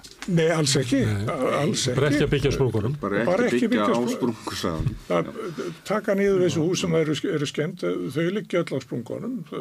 Bara uh, girða sprungurnar af, þannig að fólk sé ekki þetta tóni þetta og uh, byggja á milli sprungna í staði fyrir að byggja mm. klófið yfir þær. Þa, og þar með er Grindavík bara í uh, En geta það ekki brist sprungunar er misilita geta það ekki sko stækkað? Jú, jú, það geta Í svona atbyrðu þá geta það reyfst og stækkað en, en svo ef, ef, ef þetta fer aftur í dvala hvena sem það er svo sem er mm -hmm. að þá getur fáu ykkur að pása frá þessu í ykkur tíma. Mm -hmm. Þessar sprungur sem þarna, þarna eru, eru mar, flestar gamla sprungur sem var reyðast bara í hverskýtu sem eitthvað bjátar á. Þannig að svona sundu sprungið land, ja, það er eiginlega enga líkur á því að nýjar sprungur séu að myndast. Að það, það, við, það er freka fátíð. Sko. Þannig ef þú ert bara á milli sprungrana, þá ertu bara alveg örugur þar með þitt hús. Já, já. Já, svona, já nokkur veginn. Miklu örugari heldur en. Já, já, bara eins og það er nágranninn. Já, já, já, nei, nei, það er alveg, það er augljóslega miklu betra að gera byggja svolítið. Og sama á við um Norlingahald til dæmis, það, það, það er á svona sprungusæði, nákvæmlega einn sprungusæði eins og Grindavík, nema það er krísuvíkukerfið. Það var nú kostningamál hérna 82. Þá tó, tóst mönnum þetta merkilega að, að hérna, flokkarnir nakkreifust um, um, um það og annar uh, hópurinn sagði að þetta, þetta er uh, allt sundusprungi, það er ekki nokkuð leið að að hérna, byggja hérna, þetta er stór hættulega sprungur. Hinn sagði að þetta eru enda sprungur en það eru gamlar að það eru reyðust einu sinni, það eru reyðast ekki aftur og uh, báðum tókst að hafa ramt fyrir sér. og, og, og báðum tóku þátt við að byggja síðan á sæðum? Já, já þetta, þetta er alveg uh, stór skemmtilegt dæmi í raun og öru um það hvernig uh, við höfum miskilið náttúruvana. Hvernig er fyrir ykkur vísindamenn að lifa þessa tíma? Það er bara lært á síðan og gaman að vissu liti en, en, en náttúrulega sorglegt á, á eina liðina sko. Já, já. En, Þetta er læ, lærdómur, gríðarlega mikið, það er enginn var á því, það, menn læra mikið. Þetta var náttúrulega ekki gaman Páll að vera jarðfræðingur á tímum þar sem hann var í lekkit að frétta en það var þá var einn jarðfræðingur og það þótt alveg nóg já, já. en kollegar í öðru löndum er þeir á samband við ykkur um þetta? Já, já það er helgjörna batteri í gangi sko, rannsóna batteri og það menna mikið náhuga á þessu. Hvort sem það er að, það snýra aflögun eða jarðskjáltunum eða, eða sprungurhefingunum eða elgósunni sjálfu, raunaflæði virkni í gígum og annað. Það eru svo margi þætti sem við, sem er í þessum atbyrðu sem við getum lært heilan helling á í, í mm. svona mm. tilfellum og og hérna við erum náttúrulega ná í gögn og, og, og uh, öðlast nýja skilning á virkni mm. á margan hátt. Ég meina, Pál getur þetta kannski meira um þannig var það járskjaldana og, og járskorpar hefingarnar en bara þannig við eldgósin þar eru við að, að, að læra alveg læra mjög mikið um hvernig svona eldgós geta haldið dampi og uh, hvernig sprengi virkni, hvernig fröngflæðið er og það er framötu gott og þannig að það er mjög margt nýtt sem hefur komið fram. Það er, er það ekki líka þessi kvíkugangur sem að fer eiginlega undir hérna Grindavík Jú. og afleðingar hans þessi tveir síðdalir er, eh, þetta er eitthvað sem enginn spáði fyrir eða taldi líka? Jú, jú, jú, þetta, er, þetta gerðist líka í kröfluðum brotunum á sínum tíma fyrir 50 ára síðan þá, þá, þá, þá voru umbrotin fyrst og hrenst af þessu tægi. Það voru, það var, var kvíkugangar 20 sinnum sem lögði á stað frá kröfluð mm. og fóru undir sprungu sveimana mm. uh, og þar eru stórkostlega uh, reyfingar. Já, þá glýðnar sprungunar, en það sem annað sem gerir þá dunkar þarna á milli, þannig að ef ég hús þarna á milli, eins og þú veist að segja að vera örugt að vera á milli í sprungana, þá get ég bara dunka þar á tvo metra. Já, já, já, þetta gerist uh, aftur og aftur fyrir norðan og Uh, mikil dæmi um þetta sérstaklega í Keltukverfi og, mm. og, og þar þar, uh, þar var, voru þessar leksjur lærðar en það er einhvern veginn það hefur verið að skleimast á 50 árum er...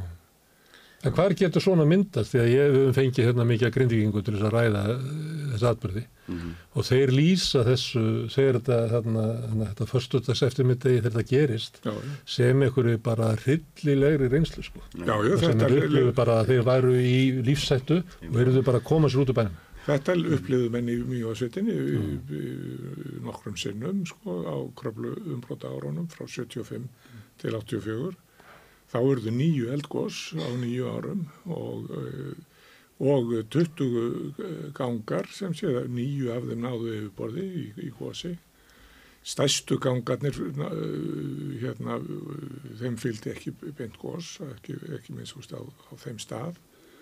En svo stórkoslegar reyfingar eh, sko, sem enn en má sjá Hvað getur svona myndast? Getur svona myndast uh, á Reykjanestá og tekið Reykjanesvirkjun? Já, já, já, já, já. Frá Krísuvík og niður á velli? Allar jarðhýta virkjarinnar eru á svona svæðum það, og það er náttúrulega bara eðli málsins samkvæmt, sko. Þannig þar er þessi áhægt að tekin með vita, sko. Ef þú reyku bara góðspeltin þá getur þetta gerst inn allra, flest allra góðspelta sem við höfum, sko. Þannig, og, og, og hérna, þannig að þetta er, hvað var að segja, 30% af landinu þar sem að svona, svona. hluti getur gerst. Stór hluti er vissulega óbyggður. Jú, jú, stór hluti sem betur fyrir óbyggður Þetta er ekki víða sem að svona getur gerst í byggð nema kannski í Grindavík. Það eru tveir, tveir þéttbílistæðar á landinu það sem getur gósið innan bæ, bæjarmarka og það er náttúrulega heimægi og, og Grindavík. Mm. Þetta er ekki nema tveir staðir sem eru mm. svoleiðis í sveitsett Reykjavíðin er nú ansið nálægt svæði sem getur góðsig. Það er nú utan við að samt beltið og nægilega til þess að, að hérna, það slapp til. Mm. Já, já, það slapp til. En það fór hýtt að vita nokkrum sinnum já. og já. það var kallt í húsum í, í, í mjög sett nokkrum sinnum af sögum ástæðu. Sko. Og það, það getur orðið ansið mikið frost. Já, já, já. En, en menn voru fljóttir að gera við. Það tók, tók klukktími litið. Það þurfti bara að Leisland fór bara í sundur og þeir áttu bara stikki áttu rörbúð til þess að skeita í og voru fljóttir að því mýjötningar mm.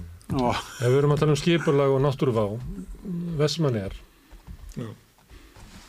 hvernig hérna, er hægt að hafa skipurlag í Vestmannum til þess að draga úr vá? Það getur góðsöður Að mínu viti er eina sem það getur gert eina sem þú þart að gera raun og veru er það að sjá til þess að, að þú hefur skoðað alla mögulega sviðsmyndir sem getur komið upp eins og, eins og við getum best við getum. Og síðan setja þess að við getum komið, komið vestmannæfingu í burtu 1 til 3 það, það er, er eina viti sem er í þessu og, og, og það er sko líkurnar eru sennilega mestar að gjósi þá á austaverði eina eftir línunum sem líkur gegnum eldverð, helgafell og sæfellið og út, út í stórhauða ekki undir fótunum á hólki það getur svo sem gerst en, en, en það er kannski ólíklara með að við, mm. við hvernig staðan er í dag. En skósprunga getur náð inn í hafnaminnið mm. hún getur eðilagt frugvöldin mm.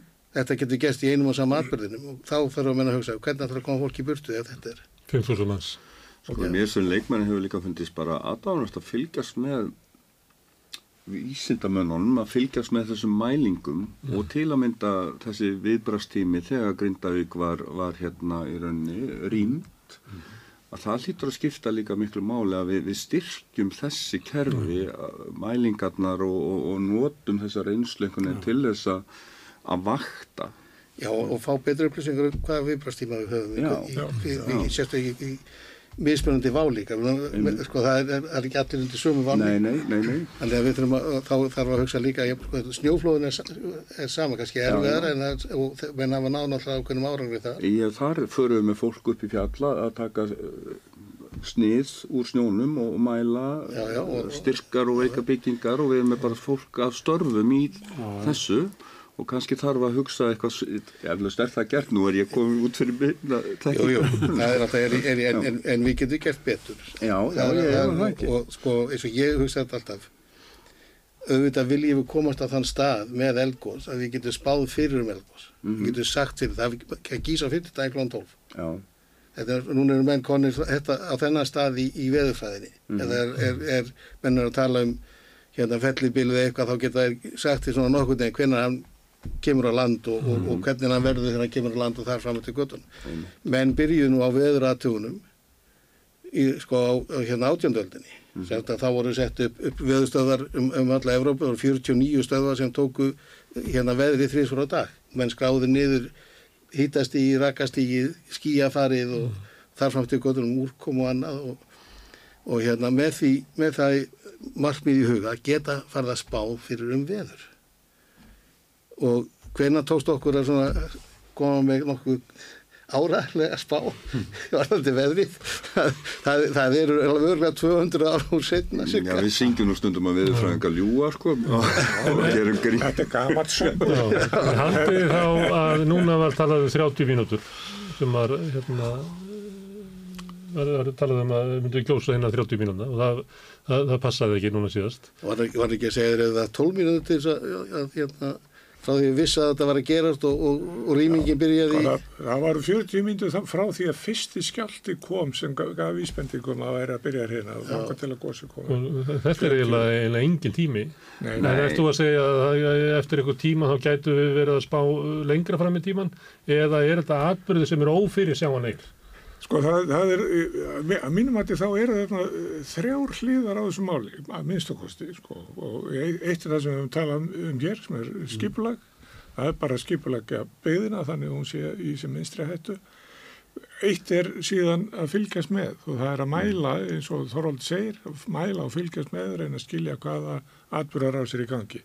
Og við erum komið bísna langt þar, það, það er að segja, við getum, já við erum með 30 virk eldstöðakerfi á landinu. Og við getum útiloka strax hérna 25 Svo það eru sem cirka 5 sem við þurfum að hafa ágjör af í byli mm. núna, en þetta breytist. Þetta er, þetta er strax mjög stórt skref. Maður þarf átt að sjá því sko. og síðan þarf að fylgjast með hverju af þessum virkukerfum sem eru, eru í gangi núna. Og þá er líka búið að taka næsta skref sem að Þannig að við þekkjum nú orðið sæmilega vel aðdragand á góðsana. Það tímaskalin er eh, sveigjanlegur og við vitum að hann er sveigjanlegur það skiptir miklu máli. Stundum er þetta mjög stutt, við, við þekkjum dæmið um korter, við þekkjum dæmið núna 40 myndur og við þekkjum líka dæmi sem voru þrjár vikur. Korter er eiginlega engin yfir, sko. ég geti bara sóðnaði í bláa lónum. Já, já, það, já, já. En svo, svo er það þriði, þriðar hliðinamálunum sem er, eru vísindar ansóknir. Það er að segja að nota þetta til þess að skilja betur hvað er í gangi og þar, uh, þar eru komin talsveit á, á veg og sérstaklega nöðsynlegt á, á Íslandi vegna þess að þessi vá hún er að mörguleiti svolítið óvinnileg hér á landi. Við getum ekki tekið uh, alveg orðalöst uh, niðurstöður yngstar utan á heimi Japan eða, eða Hawaii eða eitthvað svolítið. Við þurfum að aðlaga þetta hér og við þurfum þessum að skilja íslenska virkni betur. Íslenska aðstæður og virkni og náttúruna betur. Alveg að heita blett undir landinu og já, rekið og já, já, þetta. Þetta gerur ekki öðruvísi með, með öflugum rannsóknum ástæðunum. Akkurat, það er það sem við langaðum að koma inn á. Við þurfum, við þurfum að bæði efla rannsóknum á þessu svið og til þess þurfum við fleira fólk og, og við þurfum breyðari þekkingu. Við þurfum að hugsa þetta þverfaglegt líka Þannig að við tökum, þetta sé ekki bara e, e, eitthvað lítill hópur einangrar inn, inn, inn, inn á einhverja stofnun eða, eða inn í einhverja deildi í háskólanum. Þannig að það séu jarðvísstafinn að vinna með verkfræðingu og, og, og, og síðan verðum við að vinna kannski með starffræðingu til þess að hjálpa okkur við að þróa ákveðna hluta sem tengjast talfræðinu. Svo þurfum við líka að vera betri að eiga við fólki sem að nefndi. Já, já, svo er það fél, félagsfræðilega hérna, hliðin eða samfélagsfræðilega hliðin á þessu öllu saman sem við þurfum að, að mínum að þetta efla mjög mikið og þarna er, er, sé ég ekki nema tækifæri bæði í því að, að auka þekkinguna e, e, auka sagt, þá líka hæfni í samfélaginu til þess að takast á þessar hluti mm -hmm. og, og hérna þannig að koma líka nýja aðdunni tækifæri og þetta er eins og hefur komið fram hjá, hjá sem sagt á pólitíska sviðinu að nota mentununa til útflutnings og þekkinguna og, og hérna þetta er eitt sviði þar sem við gætum hugsanlega gert það, við gætum verið með hérna eitthvað skonar þerrfaglegt nám í Háskóla Íslands sem að tæki til aðfæðlega og gef, gefi þá ungu fólki tæki verðis að menta sig á þeim hlutaði sem það hefur mestan áhuga á. Mm. Ég meina það menn koma frá mismundi sjónarhóttnum og, og, og það er sumi sem hafa áhuga á, á eldgósa eftirlitinu, aðrir hafa meiri áhuga á jærskjálta dæminu, svo eru kannski aðri sem hafa meira áhuga hvernig áhrif þetta hefur á samfélagið. Ja, við hefum lært þetta við leikminninir á að hlusta á ykkur að þið eru að tala um þetta frá ólíku sjónurhóttni. Við hefum lært svona að skinja blæbriðin. Mm. Þannig að þú ert á því kannski eins og Katri Jakobsdóttir, hún vildi fara að við ferum að flytja út áfalla þól þjóðarinnar. Ég heyrði ekki betur í kastlósi. Er það en að við verðum að tala um svona skipilagsmál. Má bjóðu okkur hérna varaflugall í kassarinni? Ég held að það maður getur ekki sagt bara já núna. Það, þar, það er eitthvað áhættum að í gangi skils mér og, en, en mér finnst einhvern veginn líkurnar fyrir það svæði hljóta að vera það var vond að vera með, með flugvöld inn í sama kerfinu skulle ég segja. það væri skinsanlega að vera með, með flugvöld sem væri þá undir öðru vákerfi ef mm. maður mætti orða það svo. Mm. Má bjóðu ykkur lest til kemla ykkur?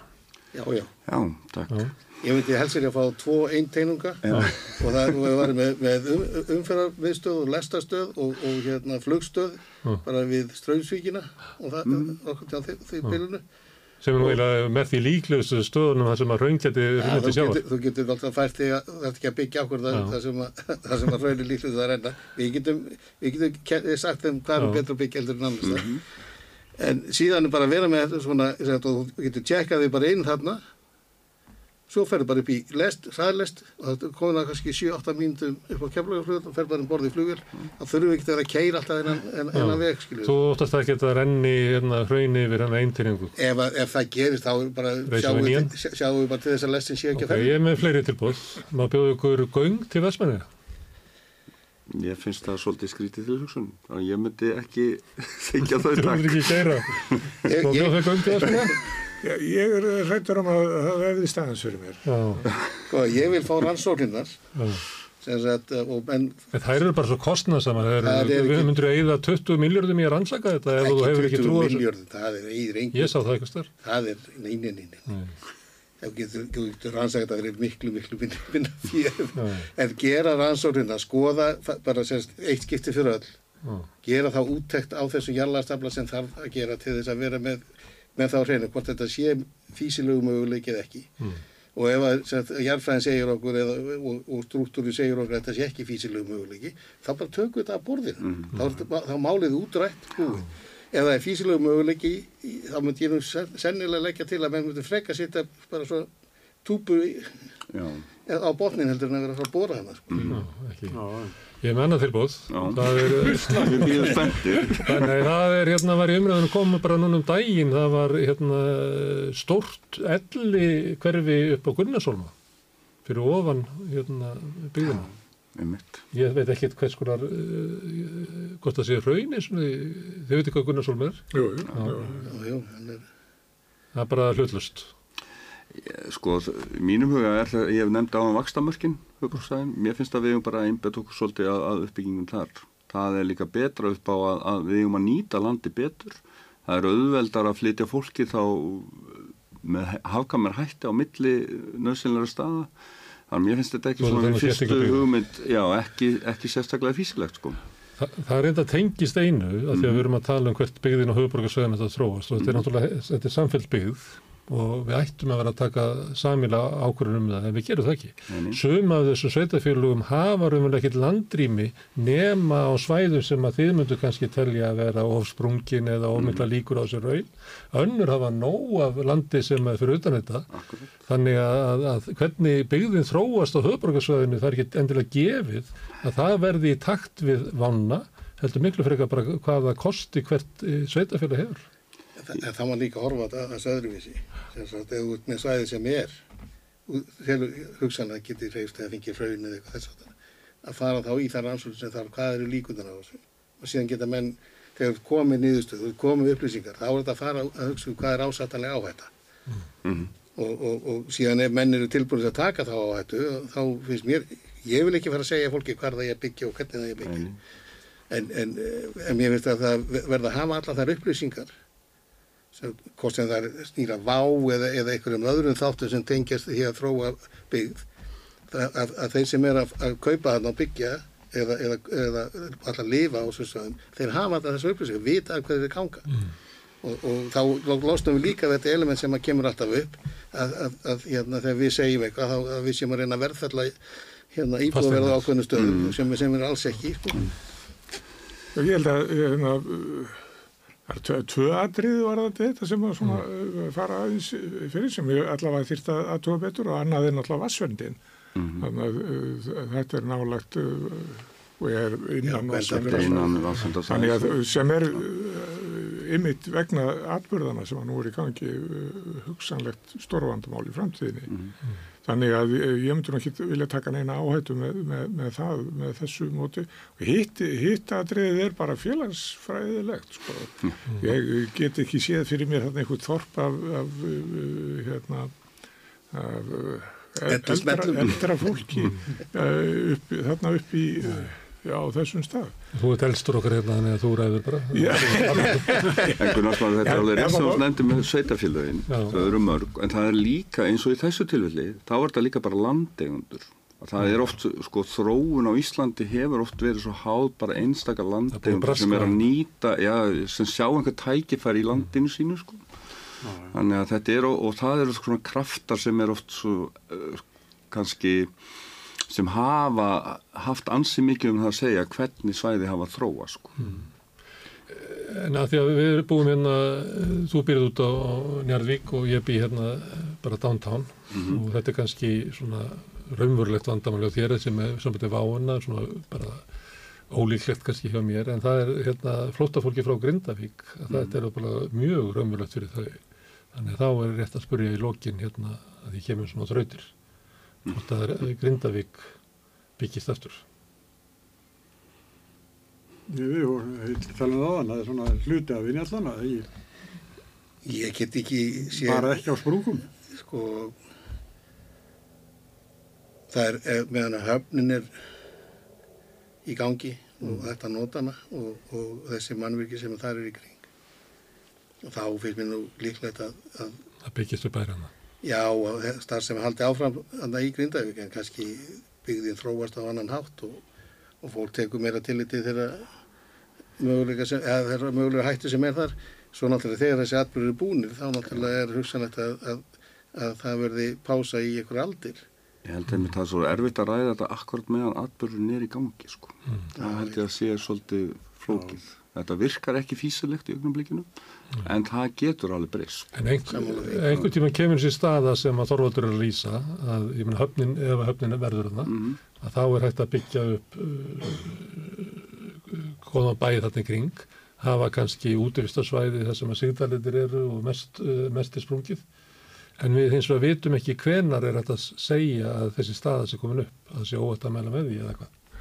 Við þurfum bara að hugsa til þess af hverju er Grindavík það sem hún er? Og það er náttúrulega fyrst og fremst út af uh, fiskimiðunum og, og, og, og hafnleysinu að öðru leiti mm. og uh, hún er, Grindavík er í sjálfur sér þannig vel í sveidsett og uh, þegar, þegar að við kemur sem að nú að gera stengt tíman að, að virknin færist frá þessu svæði þá, þá held ég að Grindavík sé alveg hérna vænlegur uh, bústafur. Mm. Við meðum ekki að gleyma því heldur að höfnin er til vegna Sigdalsins. Ja. Það er mjög gamalt Sigdalur, hann var þetta náttúrulega fyrir og, og hérna, það er það sem að býr til höfnina. Mm. Þannig að, að, að, að það sem tekur það, sem teku, það gefur líka. Það verðum alltaf lendið þessu það sem að drótti gaf og drótti tók. Herðu, en þá bara sláum við botnin á þetta hérna, og þekkum ykkur kellaði fyrir. Eh, Þorvaldur Hrafgjell og Páll og Sigurún, takk fyrir samfélgina í dag. Sumulegis, bróðir. Og ég ætla að, hérna, að þakka öllu gestur sem hafa komið hingað að Rauðaborðinu og e, þeim sem eru að vinna þessu þáttum með okkur. Það er hérna, fólk hérna fyrir aftan myndavælina líka sem að, að Lauvei og Pétur sem að sá um útsettinguna í dag Og svo eru það þið eh, hlustendur sem að láti þetta allt saman gerast. Þið getur verið virkir eh, þáttakandur í, í uppbyggingu samstörna með að benda vinum og vandamennum á það efni hérna sem ykkur líkar. Benda á að við erum á Facebook, á YouTube og erum í öllum hlaðvarsveitum, við erum í útvarpinu á Stór höfbrukarsæðinu 89,1 og það má líka ná í þessar útarsendingar á spilaran, bæða netinu spilari.is og svo spilar líka app sem á mann hlaðinur í síman og þá getur hlustað á samstöðun og allar íslenskar útastöður hvað sem er í heiminum. Við erum komin í sjónvarp til þeirra sem á sjónvarpi sitt frá símanum, þar er við nummer 5 fyrir á fjastýringunni og vonandi munu önnur fjarskiptafyrirtæki bjóða sínu viðskiptafunum upp á efnið frá samstöðinni. Þeir sem að viljið leggja okkur lið geti gert áskrifundur, það kostar 2500 krónur sem að mér er sagt að sé ræpilegt. Þið farið þá inn á samstöðin.is, það er hnappur sem ástundur áskrift og getið skráðu ykkur sem áskrifundur. Þið getið borga meira eða viljið og þeir sem að kjósið getið látið áskriftin að renna eh, sem félagskjöldin í alltíðufélagið og það er alltíðufélagið sem á og rekkur samstöðun og allt sem þið sjáuð og heyrið hér er í bóði áskrifunda og við þakkum kjærlega fyrir hjálpina, segjum þetta gott, ég þið góða helgi það sem eftir aðvinni og við sjáumst hér svo við rauðaborðu klukkan 8 annað kvöld. Takk kjærlega.